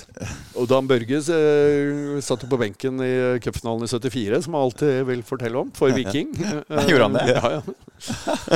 Kom dessverre ikke innpå, så vi har ikke bilder av det heller. Men, men det er jo en veldig rar greie. Eh, dette er subjektivt, så da er det lov å si det. Ja, ja. Eh, det Drillo gjør på den corneren, eller Norge gjør på den corneren, som ender Det er jo en norsk corner. Den de sender opp, er ikke beste hodespilleren, eh, Dan Eggen. Han blir liggende og passe på uh, Italien, Italias stjernespiss Christian Vieri. Mens den i særklasse raskeste spilleren, Ronny Johnsen, blir sendt opp på den corneren. Ja. Uh, eller frispark, eller hva det var for noe. Og der endrer fotballhistorien seg, i den der bitte lille greia der. Og uh, apropos quiz-spørsmål. Italia er jo det eneste laget som har slått Norge i et VM. Norge har spilt i VM ja, tre er ganger. jaggu sant. Det er sant. Slått VM. Så vi har aldri tapt mot Brasil. Vi har aldri vunnet mot Italia. Det er et stort land, Italia også. Ja. Ja. Huff. Helt til de tapte for Nord-Makedonia i forrige VM-kval. Ja, Ja. Ja. Er Nå, og nå har tre eh, europacupfinalister og null titler. Så Ja, de, det er, er- de er tilbake på start, de òg. Det er utrolig. Ja, men um, uh, apropos det, skal vi ta gå videre til Eliteserien, eller har vi Vi har jo fått, i hvert fall eh, Jan Petter og jeg har jo fått utløp for vår frustrasjon. Vet ikke om du sitter, brenner Altså, inne? er mye frustrasjon igjen? Jeg er egentlig ganske sånn greit fornøyd med Eliteserien så Ja. langt. Sånn helt uh, ut fra hva jeg kunne forvente. Viking var jo ganske dårlig Mm. i fjor høst. Fra jeg så de vinne på st- eh, SR Bank Arena uh, mot Kristiansund i fjor sommer, og så tror jeg ikke de vant eh, hjemme. Resten, jeg tror nesten ikke de vant en kamp jeg, Det var helt vanvittig. ut den sesongen der. De leda jo til, på 17. mai, og det var jo full uh, jubel og ståhei, og så bare stupte de. Så Så De begynte Berisha- på den Bjarte Lunde Årsheim-statuen. Ja, ja, ja. De kom ikke lenger enn til knærne, og da, så det kan fortsatt gjøres om til mye annet enn uh, en Årsheim. Men uh, Var det ikke da Veton Berisha dro til Sverige? jo, han dro i Jo. fjor sommer, stemmer. Men eh, så langt så er jeg egentlig helt greit fornøyd. De er vel på 17 poeng med en hengekamp på de foran. Det er litt irriterende at Brann er så gode, syns jeg. Men Ja. eh, Ja, det var, det var deilig at den derre eh, flyten deres ikke holdt helt igjen. Og Lillestrøm spilte, spilte jo mot dem i går. Ja. Og var litt heldig som fikk eh, 2-2 og brennstraffe og alt det der. Og så, og så er det jo Men både Brann tilbake og Viking tilbake på et nivå som er mer akseptabelt. Mm. Jeg liker at det er folk på tribunen igjen. Altså. Det, Ja. det ser de i Stavanger også. Ja. Eh, det er en eh, latent eh, eh, entusiasme Veldig. der som er veldig. veldig, veldig kul. Det er jo ordentlig sånn mm. fanbase. der. Jeg har vært der noen ganger. Jeg husker særlig sånn eh, 2006 hjemme mot Rosenborg. Det var ikke veldig, da var det ikke veldig Gøy. god stemning på Så de tapte 4-1. Det var for så vidt første kampen til Petter EJ, for de som husker han. Jo, jo. Som reddet det laget opp fra Han skårte fire eller fem mot Brann eller noe, jeg husker ikke helt. det. Må ha vært fem, sånn i ettertid. ja, med spesialist Tom Nordli på det å ikke rykke ned. Inntil han rykket ned med to lag på én sesong eller noe sånt, gjorde han ikke det? Med både Lillestrøm og, Ja, og han, Start. etter, etter han øh, ble henta inn for de tre kampene i Lillestrøm, og de, og de, de mista den der tremålsledelsen mot Start øh, Ja. der, så var det vel øh, Ja. Det var, eh, det var kroken på døra for det. For den legendestatusen. Den myten. Ja, den myten. Ja, ja men um, da, da føler du ikke at du brenner inne med noe om Eliteserien? Egentlig ikke vanvittig mye foreløpig. Altså. Det, jeg skal sitte rolig i Kommer på båten. noe. Jeg skal sitte rolig i båten, for det er fortsatt lenge igjen. Det er, jeg føler at det er det at man må ikke være for glad, glad eller for, for pessimist, fordi at det kan For da- begge veier. Nei, for da skal vi innom vår eminente spalte, nemlig fyll inn navn her. Uh, spooky. Spooky wooky. Da ehm, Jeg har jo snakket med deg på forhånd, eh, Jan og Jan Petter, og fortalt deg litt hva eh, Hva sier Jappen? Ja, Jappen. Ja. Jappen. Ja, Jappen. Ehm, og ja, det handler jo da om eh, en idrettsutøver. Det må ikke være fotballspiller, det er subjektiv idrett her. Ehm, eh, helst eh, kanskje ikke eh, sånn kone, konebærermester fra 1997. Eh, men eh, ja, det handler i hvert fall om eh, tre hint. Eh, tre poeng om man gjetter eh, riktig etter, eh, etter eh, Første? første. To poeng etter eh, riktig eh, etter andre. Og ett poeng om det er riktig etter tre. Så um, da tenkte jeg, for å være litt snill med deg, så kan jeg komme med våre Eller ja, det er jo egentlig mine. Nei, snill? Det spørs jo helt hvordan Ja, ja men går. da, da får du i hvert fall se litt hvordan, hvordan det er, i hvert fall. Ehm, ok. Er, du- er du klar, Nikolai? Jeg er ja, så klar som man kan bli. Ja. Um, ok. Fyll inn navn her. Jeg har spilt for Ajax, Liverpool og Barcelona. Ja, jeg vet det. Jeg vet ikke. Hvis det Hvem er det du tror det er? Sier jeg det allerede nå? Vi, kan vente. Vi, vi, Jeg, skri, kan, jeg, jeg skriver det ned, så kan du ta Vi lappen kan- min etterpå. Ja. Det Det Det verste er at jeg så bare på de første to bokstavene. Og Jappen har rett, men jeg tar det for eh, at uh, våre lyttere skal få ta den. Jeg vet at det er mange, mange fans der som Ja, for jeg vet også svaret. Så kribler. skriver det her, ja. Eh, Sånn. Nummer to. Jeg har spilt uh, både klubb- og landslagsfotball uh, i eh, da fire forskjellige tiår. Ja, Mm. Eh, og nummer tre Jeg var første nordiske fotballspiller til å score i en Champions League-finale. Og første nordiske spiller til å bli toppskårer i en Champions League-sesong. Og svaret, det er jo da Selveste? Jari Littmann. Huve, Huve, Ja, for en fantastisk spiller. Koningass, som han Det er fotballhjerne, da. Ja, ja. Han og Mikael Laudrup, det tror jeg ingen, i hvert fall i Norden, som har vært i nærheten. av. Han var vel litt sånn, sånn Thomas Müller-type, var han ikke det? Han var ikke sånn uh, veldig sånn elegant å se på, men han bare var god. Ja, Enormt blikk. Ja. Helt vanvittig. Og Louis van Gaal, som var trener på Ajax, sa at de aldri hadde vunnet Champions League-finalen uten Eller de hadde aldri vunnet Champions League uten ham. Og at uh, han gikk ut og beklaget at han hadde tatt ham av i finalen og alt mulig. Så um, det er jo en av få ting eh, finner kan skryte om når det kommer til fotball. Han hadde jo drakt nummer ti i Barcelona også. Ja.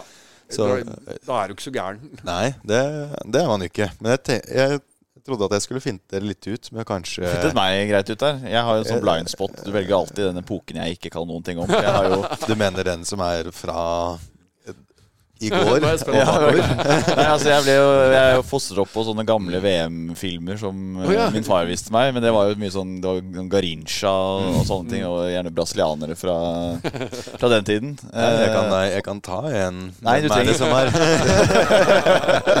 Nei, men, ehm, men eh, jo, han var jo ehm, Det var jo litt spesielt der. Han var jo også ehm, Han I året 1995 da tapte han to kamper med både Oi. klubb og landslag. Fikk bare tredjeplass i Ballon d'Or, selv om han vant da. Ja, han vant Han vant da alle eh, Han vant eh, li, ligaen, i hvert fall. Ja, ja. Og Champions League med Ajax ja, ja. Som beste spiller og drakk nummer ti. Hvem var han var opp mot da? Var det Del Piero, eller var det Baggio, eller Det, det var George Vea. ja. Eh, Ja. Jeg vet ikke Det er folk som har klødd seg i håret. Ja. Og det var det at man fikk dårlig samvittighet for at ingen afrikanere hadde fått Nei, den altså, tidligere. Altså, for han hadde jo ikke gjort var jo fantastisk, men uh, Han hadde ikke gjort så mye det Han hadde ikke gjort Ballon d'Or-vinnende ting det året. Nei, ut nei. fra jeg som så på fotball da. Nei. Det var jo bare fire år før jeg ble født. Ja, ja. Eh, og Jørgen Klinsmann, nummer to.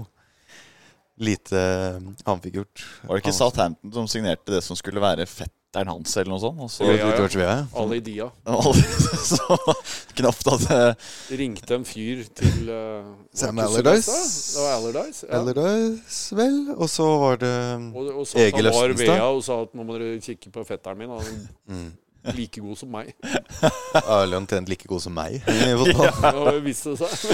Nei, Men um, det, er, det er også en annen tid når man bare kan få kontrakt med Premier League-klubb. Ja, og, og, og bli sendt inn på banen. Ja. ja.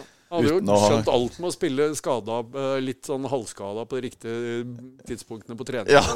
Sånn.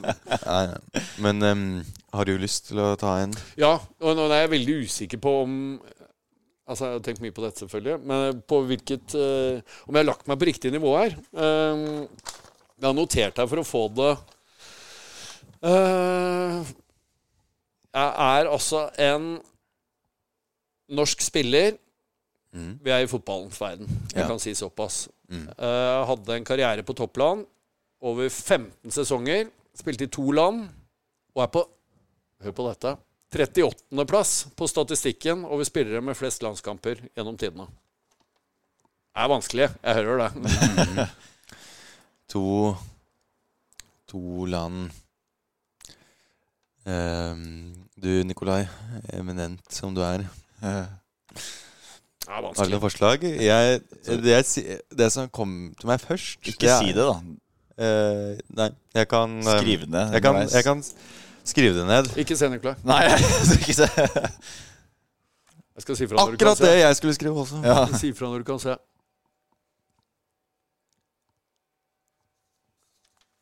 Eh, nei, Da kan det var jeg se. ikke Ole Gunnar Solskjær.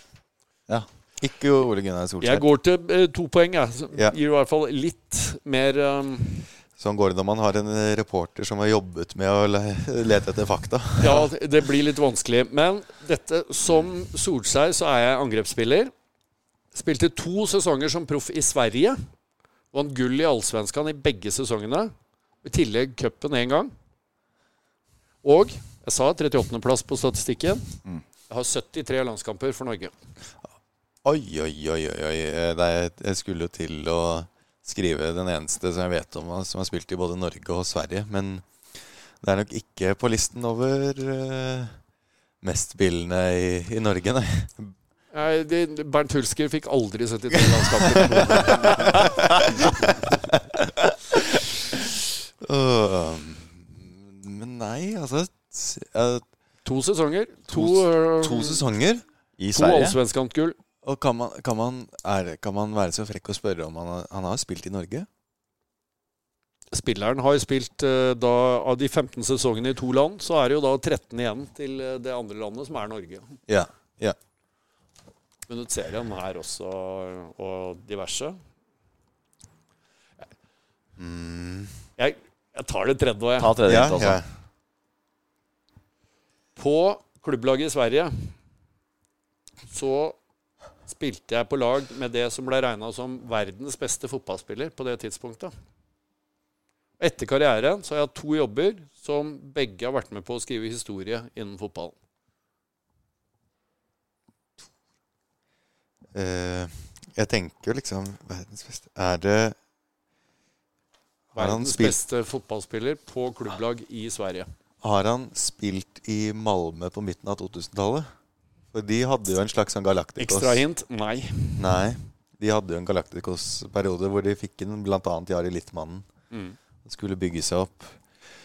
Verdens Zlatan Han har jo for seg vært der, han òg. Ja. Men Ja. um, verdens beste spiller i en svensk klubb Her er et ganske vesentlig hint. Ja. Verdens beste Og jeg Altså at han er, det han er den som har spilt best i en klubb. har etter jeg kom tilbake, Ja. hatt to jobber i fotballen. Og jeg begge ganger har skrevet historie. Å, fytti grisen. Det er ikke så verst, det her, skjønner du. Nei, Når, er- dere, når, dere tar, når dere får svaret, så Nei, kommer dere det irritere dere noe jævlig over en helt grunnleggende forutsetning som dere bommer på. Oi, oi. Nei, nå ble jeg irritert. Jeg tenker liksom sånn Rosenborg-spillere, liksom. Brattbakk Nei, han spilte jo ikke i Celtic. Ja, Og- ikke Åh, Var det ikke en annen spiss på Rosenborg? Etter karrieren to jobber med masse Mm. oppmerksomhet rundt i fotballen, som, eh, hvor det begge ble skrevet historie. Hva i all I? Norge. I Norge. I og med at jeg da var den første som hadde Ik ikke, ikke han Ole Martin Årst eller noe? Men ja. Jeg har drevet med det um, Årstad har drevet med også. Rushfeldt? Egentlig litt småhistorisk akkurat når jeg drev med det Årstad har drevet med etter karrieren også. Og det er ikke Rushfeldt? Mm -mm. Hva i all verden er dette her, Nikolai? Du som vet alt. Nei, dette her dette er ikke Det, er, det er egentlig veldig lett. egentlig veldig lett. Ja. når, når du får den helt grunnleggende Ang- forutsetninga på plass. Angrepsspiller som har spilt i Sverige. Angrepsspiller, ja. Eh, som har spilt Og det er liksom nå Bergens, bergenser. bergenser Erik Huseklipp. Det er ikke så mange Han har spilt i Italia. ja, men, det er, men det er jo ikke så mange bergensere som har spilt som er angrepsspillere. 73 landskamper, nummer 38 på statistikken. Ja, men det er jo Jeg trodde at Var det ikke da Erik Huseklepp Tenker Nei. du ikke at det er ganske mange til å være så langt nede på statistikken? Jo. Hvis du ikke er kvinne? Åh, Lise Klavenes. Yes! Åh. Åh, vi- det var som fin. spilte med Martha i, eh, Den var i fin. Umeå. Å, Er fy det søren, den var fin. mulig? Der ble vi rett og slett eh, Den var, den var, det var en ordentlig Skulle ønske lytterne hadde sett ansiktsuttrykket Ja, her fy nå. søren, det var som en sånn der skikkelig plot-twist i en film. Nei, vi, det, var, det var helt I måte var jeg- jeg-formen, så jeg hadde, jo, Ja, jeg hadde jo akkurat hørt på eh, podkast om Brann, hvor de snakket om at eh, det var eh, han Erik Husklepp var første bergenske landslagsspiller siden han Kniksen. var jeg bare så, var så ille. Ja, så jeg var jo helt sånn Hvem i all verden er dette her for, for noen? Det er gøy. Eh, men Skal jeg ja. lese opp en? Ja. Åh, Skal vi se her. Jeg har jo også Vi har jo en til. Vi um, Er det Var det den du tenkte å lese opp? Ja. ja. Da blir det spennende å se om du klarer å uttale navnet riktig. Fikk litt hjelp. Ok. Jeg er en tidligere langrennsløper som ikke begynte å delta som profesjonell før jeg var 27 år gammel.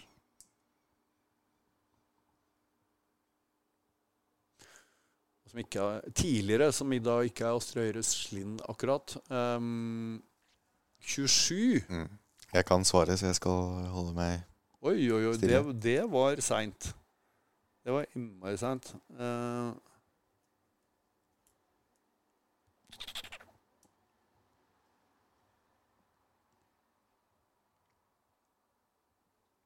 Maurilio de Solt. Er det mulig? Ja. Var det riktig? ja. Neste, Da neste hint. vi bare ditt eh, to eh, Neste hint var jo da min eneste individuelle seier er et VM-gull. Jeg avsluttet min aktive karriere med å vinne OL-gull i stafett som 43 år. Var det, var det OL-gullet som Det, apropos italienere som har ødelagt ting for Norge. Ja, ja, ja. ja, ja. Helt, helt der oppe. Apropos vinne ting på litt feil grunnlag. Det var jo litt, eh, Oh. litt det har, eh, Det var litt bruspulver på de der italienerne også, var det ikke det? I- Ifølge Tor Gottaas var er det jo det den Ja. tidligere Tour de France-trenere som plutselig kom inn i Ja. Plutselig begynte det å vinne VM-gull og det som verre var. Nei, men Mange som mener at det var eneste måten å få noe mm, spenning inn i langrennssporten den gangen også. Men uh, Ja. likevel. Det er sant, og kanskje det hadde man trengt i dag også. På du, du, det som ikke er norskt. ja, Skal ikke, jeg skal ikke uttale meg på akkurat det men Tore Gottaas sa jo akkurat det, at han er veldig glad for at det var doping i idretten. Sånn at ikke bare nordmenn vinner hele tiden. Mm. Så det, det sier jo litt. Nei, Nå, det er jo eh, det å gå ut med et, med et smell Nå skal vi jo ta den delen som jeg egentlig har gruet meg til mest av, mest av alt. Det er jo nemlig det historiske hjørnet foran mannen som er, har gjort en karriere på det å fortelle om historiske idrettsøyeblikk eh, med en vidunderlig fortellerstemme. Takk, takk, takk. Så um, det, om, jeg, om jeg glemmer statistikken og det jeg leste opp, så blir det Jeg håper at uh, du har lyst til å legge ned et godt ord for meg på NRK likevel. Men da skal vi til det historiske hjørnet. Fy fader. Vi skal tilbake til 3. oktober 1981. Nå prøver jeg ikke å imitere deg, eh, Jappen, men det blir veldig sånn når man skal høres stille ut. Du er, du er bedre enn Marius Skjelbæk så langt. Jeg håper du hører dette, Marius. Du Ja, han er fast lytter, så det Du er får, du får tagge ham. Tagge ham. Um, jo, 3. oktober 1981.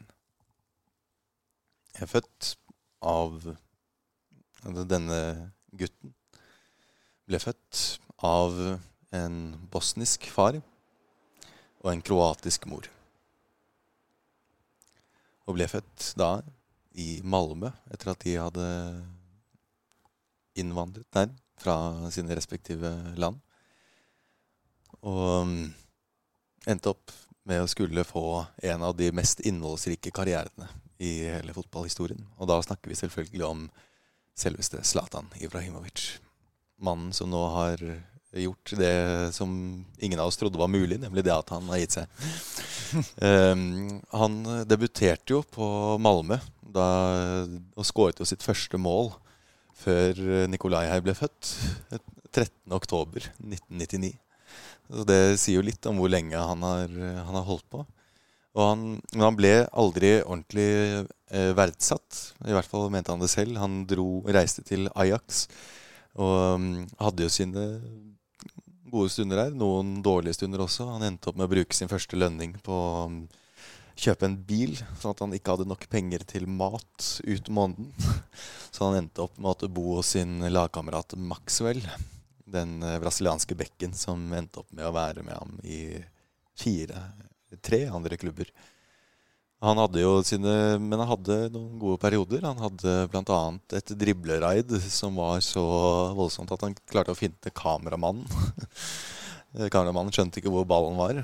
Um, han endte opp med å måtte dra fra Ajax etter at han hadde en feide med uh, Nederlands uh, gullgutt Rafael van der Fart hadde um, skadet ham i en landskamp. Uh, van de Fart mente han det var med vilje. Og etter disse anklagene så sa Zlatan at han skulle, neste gang så skulle han brekke det andre benet også på ham. Så eh, det er ikke bare rent mel i den, i den posen til han Zlatan. Men i hvert fall så endte han opp med å reise til Italia. Og han dro til Juventus. Han endte opp med å vinne to Serie A-titler der, som senere skulle bli fratatt pga. Calciopoli-skandalen. Men han endte i hvert fall opp med noe som skulle hjelpe ham gjennom karrieren, nemlig sitt ordentlige gjennombrudd og det å bli verdsatt. Han satte veldig pris på den italienske fotballfilosofien. Og han var nok ikke noe mer populær i Juventus da han endte opp med å gå til Inter, da de rykket ned. Og vant jo, var bidrag, sterkt bidragsytende til at de vant eh, Serie A-titler tre ganger på rad der med Roberto Mancini, og endte opp med å være toppskårer der, til og med. Før han skulle reise til Barcelona. Champions League-vinnerne. Siden han hadde så lyst til å vinne Champions League. Endte opp med å, at Barcelona røk ut mot Inter. Men øh, Og fikk en feide da med eh, Guardiola. Eh, kalte Messi og de andre for skolegutter, siden de ikke turte å stå opp mot, mot denne tyrannen som eh, hadde en Ferrari, men kjørte ham som en Fiat. Eh, endte opp med å reise til AC Milan. Da endte Barcelona opp med å vinne Champions League. Så um, han har jo hatt sin uflaks. Men han endte opp med å bli en stor, stor helt. Og det er jo der han kanskje har blitt den største legenden. Ved å vinne Serie A der. Og han um, endte opp med å dra til PSG da, disse, da dette PSG-laget begynte å bli for alvor stort. Og um, den statistikken han hadde der, var så utrolig at man glemmer den nesten. Han hadde 50 mål på 51 kamper i sin siste sesong som 34-åring. Hadde, hadde Mbappé skåret de målene der, så hadde han jo vært ansett som ja, tidenes beste spiller og fått Ballon d'Or for lenge siden. Uh, endte opp med å reise til Manchester United som 35-åring. Uh, endte opp med å vinne The Trouble, uh, Community Shield, uh, Ligacupen og uh, Europa League med José Mourinho. Skadet seg stygt, men endte opp med å komme tilbake igjen og sa at han, han mennesker altså, Løver leges ikke på samme måte som mennesker, skulle han ha sagt. Men det gikk ikke lenge før han reiste igjen til USA. Endte opp med å skåre kanskje tidenes tidenes volley med, i El Trafico, som det het, mot LA LA United. City, jeg vet ikke. Jeg vet ikke hva det heter. Her ser man noen som har gjort sin research eh, grundig. Men i hvert fall så endte han opp med å da reise tilbake til AC Milan. Og det var ikke et Milan-lag som var på det samme nivået som eh, det det var ti år tidligere, da han gikk dit sist. Han, men han klarte å få dem fra sjetteplass til andreplass sesongen etter og da til seriegull nå forrige sesong. Og ja, nå så har han endelig lagt opp som igjen ja, i den unge alderen av 41 år. Så ja, en fotballkarriere like, lenge, like lang som våre liv, Nikolai, er over. Og det er vel ikke noe annet å si enn takk, Zlatan, for alt som du har gitt. Så er det bare si fra om du har lyst til å være gjest eh, i denne podkasten, Zlatan. kan anbefales. ja. ja. Jappen, hva tenker, hva tenker, du om Zlatan? tenker jeg, Det der var veldig veldig vakkert. Og uh, en påminnelse om hvilken enorm karriere han har hatt. Og uh, sånn, altså, sånn evne til å å komme seg de stegene videre hele tiden på, på tidspunktet hvor man tror han er ferdig. Mm. Mm. PSG, som du nevner. Mm. Skadeproblemene i United. Og at han Og da, da er jeg tilbake til det. Da, det var jo litt sånn uh, veien til kirkegården og skulle mm. til MLS der. Mm. Og så tilbake til det som kanskje er aller største prestasjon. Ikke sant? Mm. Tilstedeværelsen hans i det derre uh, Milan-laget. Milan-laget det, det, er jo bare å se på videoen fra garderoben uh, idet de feirer, feirer det gullet ingen hadde forventa de skulle ta. Uh, det er ikke noe tvil om hvem som har gitt dem, mener jeg, mm. troa på at dette er mulig, og at alt, uh, alt, er mulig. Og han er jo så utrolig populær, men han er også litt sånn, får litt sånn ufortjent kritikk, syns jeg, i forhold til hvor god han er, og de kvalitetene han har hatt. Han har jo skåret mål som og man uh, hadde ikke turt å drømme om det, nesten. Han har vært toppskårer i samtlige ligaer han har spilt, var han ikke det? Eller, ja, nesten. Så godt som. Hadde skåret jo med, på brassespark. Han har blitt seriemester i alle land ja. han har vært. Ja. Ja. eh ikke England. Ikke England, og ikke i Sverige. Tror det. Nei, nesten alle land. Ja. Og det målet han skårer mot, uh, mot, England. England. Det er det råeste. Brasse fra skrått hold, uh, 35 meter ut. Hva er det der, da? Det er jo Skal ikke være mulig. På, på ja. Friends Arena. Det er jo eh, Når Haaland gjør det der, der på Ullevål, Da kan vi begynne å Da kan han begynne Men han har aldri vært ansett som liksom verdens beste spiller noen gang heller, fordi han har vært, alltid vært liksom bak de aller største. Mm. Men hvilken karriere han har fått i forhold til at han heller ikke har vært verdsatt ordentlig i Sverige pga. sin innvandrerbakgrunn. At de Mm. eh, mener han selv, i hvert fall. At de aldri liksom har anerkjent ham. Mm. Og litt det at han har hatt den arrogante holdningen, da, som svensker sikkert ikke Ja, men Kaksetheten her, Svenskene har jo elsket den biten der også. Men det er klart, Den passer jo ikke helt inn der heller, på samme måten som vi også ville ha blitt litt grann, eh, skeptiske. Og så litt uflaks med timinga når det gjelder å bli kåra til verdens beste. Altså, han, kom, Mm. han blomstrer jo virkelig på et tidspunkt hvor konkurransen er mye hardere enn det ville vært noen noen få år tidligere. Mm.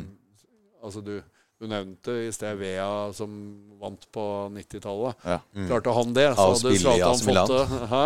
Han eh, vant jo eh, fordi han spilte i AS Milan, Ja, ja. nærmest. Han vant jo ingenting. Nei. Eh, Stort i forhold til det Zlatan har vunnet, da. Men Oi. det er jo utrolig Han er jo den som har spilt for flest Champions League-klubber i historien. Syv. Eh, likevel har han aldri vunnet den. Han har i sin 21 Hvor lenge er det han har spilt, da? 22 år som utenlandsproff. Har han vunnet, har han vunnet 13 ligatitler. Mm. I uh, mm, I fem land med fem forskjellige lag. Og da tror jeg de har tatt vekk Juventus-titlene. Mm. Ja. Også selv om Juventus-spillerne mente jo at igjen litt som City, da, at de har fortjent titlene. Mm. Men at grunnlaget da sikkert har vært Ja, ja. uærlig. Men at de kjente jo på en veldig eh, vond følelse, siden de følte at de hadde virkelig gitt alt. Og, så ja, det er jo helt utrolig. Og han har jo prøvd seg i alle ligaer bortsett fra Bundesliga, av de største ligaene. ja, var det han ikke rakk nå? Ja. Eh, Han ble jo linket til Hertha Berlin. Ja, gjorde det, ja. Ja, ja. Og det, og, så, og så har han jo i tillegg vært en sitatmaskin uh, Ja. utafor. og visst å skape en sånn myte rundt seg eh, som, som jo har gjort den bare ikonisk eh, også på den måten. Med et selvbilde som har altså, vært helt legendarisk bra. Altså, Mm. alltid hatt følelsen av at han har gått og smilt litt, egentlig, bak, eh, bak den der eh, Ja. pompøse, selvhøytidelige maska, som jo har, har jeg jo kledd den veldig veldig godt. Særlig når han har kunnet prestere som, Ja. som han har gjort på banen. Som er jo helt vanvittige prestasjoner han har, mm. har gjort. Ja, for Hadde han sagt at han ikke gjorde audition eh, da han mm. var linket til Arsenal, og så var sunket ned i det svenske ligasystemet, så hadde jo den replikken vært, eh, Ja. vært rar å se tilbake på. Ja. Mens, uh, mens det å leve opp til, uh, leve opp til eh, den eh, eh, trynefaktoren han har mm. valgt å, å fremme, det er ganske vanvittig. mm. Og um, også Han gjorde noe som faktisk er litt sånn arrogant. Han la jo opp på landslaget i 2016. Og så skulle han liksom gjøre comeback da de kom til VM. Ja, ja. Og da Og det kan jeg forstå at det, der går litt til grensen eh, også for um, treneren da, da. At da har man liksom Da har man hele kvaliken har vært med et lag. Og så skal man ta inn en spiller bare fordi han har lyst. Og ja, han hadde sikkert vært god nok til å starte. Selv om han var skadet og spilte i MLS. Men um, De, de gjorde det jo bra uten. Så sånn Ja, ja. så kom jo de har gjort det best uten. Ja. Eh, da, han kom jo til Han fikk jo spille eh, Gjorde landslagscomeback i 21. Så ble han skadet rett før EM. Og sånn sett har han jo Hatt uflaks da, på akkurat den der siste greia der. Det er jo det han mangler, egentlig. Han fikk jo på klubbnivå så Han fikk jo runda av. Han har jo bare vært skada i år. Så altså Det siste han egentlig gjorde, var jo et uh, var jo et uh, uventa seriemesterskap med AC Milan. Um, Og hvor- mens på, på landslaget så Han mangla jo det derre det derre punktumet på Men han på, spilte også for Sverige, da. Det er jo vanskelig å vinne, vinne så, gjøre så veldig mye mer. Ja, da, nei, nei, men han, han gjorde jo fantastiske ting der. Og nevnte jo England som Mm. hælspark mot Italia i, Ja. i EM i 2004. Altså, på alle andre ville sagt dritflaks. Mm. Det er, når det var han høy var han? En- Er han? Eh, 1,95, 1,95, ja. Ja. Å ha Altså kombinere det der med Det det teknisk, den Ja. teknikken. Han er så stor, og likevel er han som en brasilianer. Ja. Han er som en 1,70 høy brasilianer på ballen. Ja. Så um, ja, hadde han vært fra Brasil eller fra England, så skulle du ikke Ja, ja. se bort fra at han hadde vært ansett som veldig mye større. Ja, og en av, Selv- en av tidenes største, kanskje også. Selv om han er ansett som veldig stor. I hvert fall i forhold til at han er svensk. Ja, ja, ja. Og han skulle ha innvandret et par, par mil eh, vest. Jeg, jeg, jeg, snakka faktisk med han en hel kveld. Han var, um, han var ganske ung. da Han Mm. spilte mot Norge i noen sånne jubileumslandskamper eller hva det var for noe. Mm. Uh, og like etter han hadde slått igjennom. Og det var en fryktelig kjedelig kamp her. Men så var vi jo ute etterpå, et eller annet sted nede i sentrum. Så Mm. står jeg og sitter og prater, og da syns jeg det var mye større at Gøran Sørloth satt i baren, enn at han der unge svenske spissen sto bort på andre enden av baren. Mm. Men han, han var han, var sikkert selvvalgt, det skjønte ikke jeg da. Men, men han, var, han så så aleine ut. Mm. Eh, så jeg stakk bort til han og begynte å prate. Og han var jo kjempehyggelig og Mm. nyforlova og virka som en sånn helt nedpå hvilken som helst eh, svensk unggutt med, med kjempetalent. Det var jo rundt den tida der han kom ut med det derre eh, det karet gjør med en ball, det Ja. gjør med en appelsin-greiene. kom med, Ja, ikke sant? Som, med Blei jo stående en god stund og prate med han. Eh, om hva husker jeg ikke. Men eh, jeg tenkte sånn Jøss. han, han virka jo ikke som den, eh, den typen der i det hele tatt. Men han, han levde seg veldig godt inn i det der. Og Ja, det, kled, det kledde han jo noe helt vanvittig godt Ja. uh, også.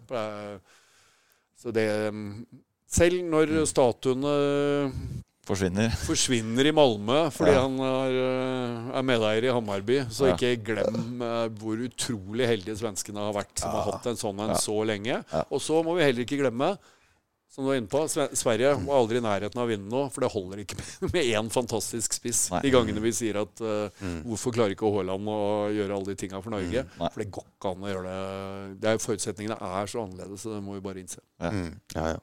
Uh, nei. Og da han kom med et sitat mot Karev, da var Karev den største Ja, av dem.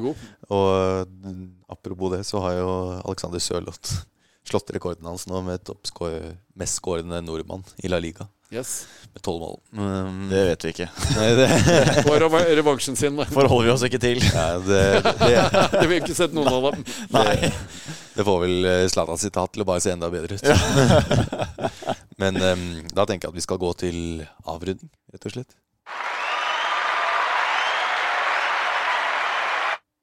Ja, Jan Petter. Jappen. Jappen. Tusen takk for eh, alt du har Holdt på å si takk for alt, men du skal, le- du skal leve, leve videre.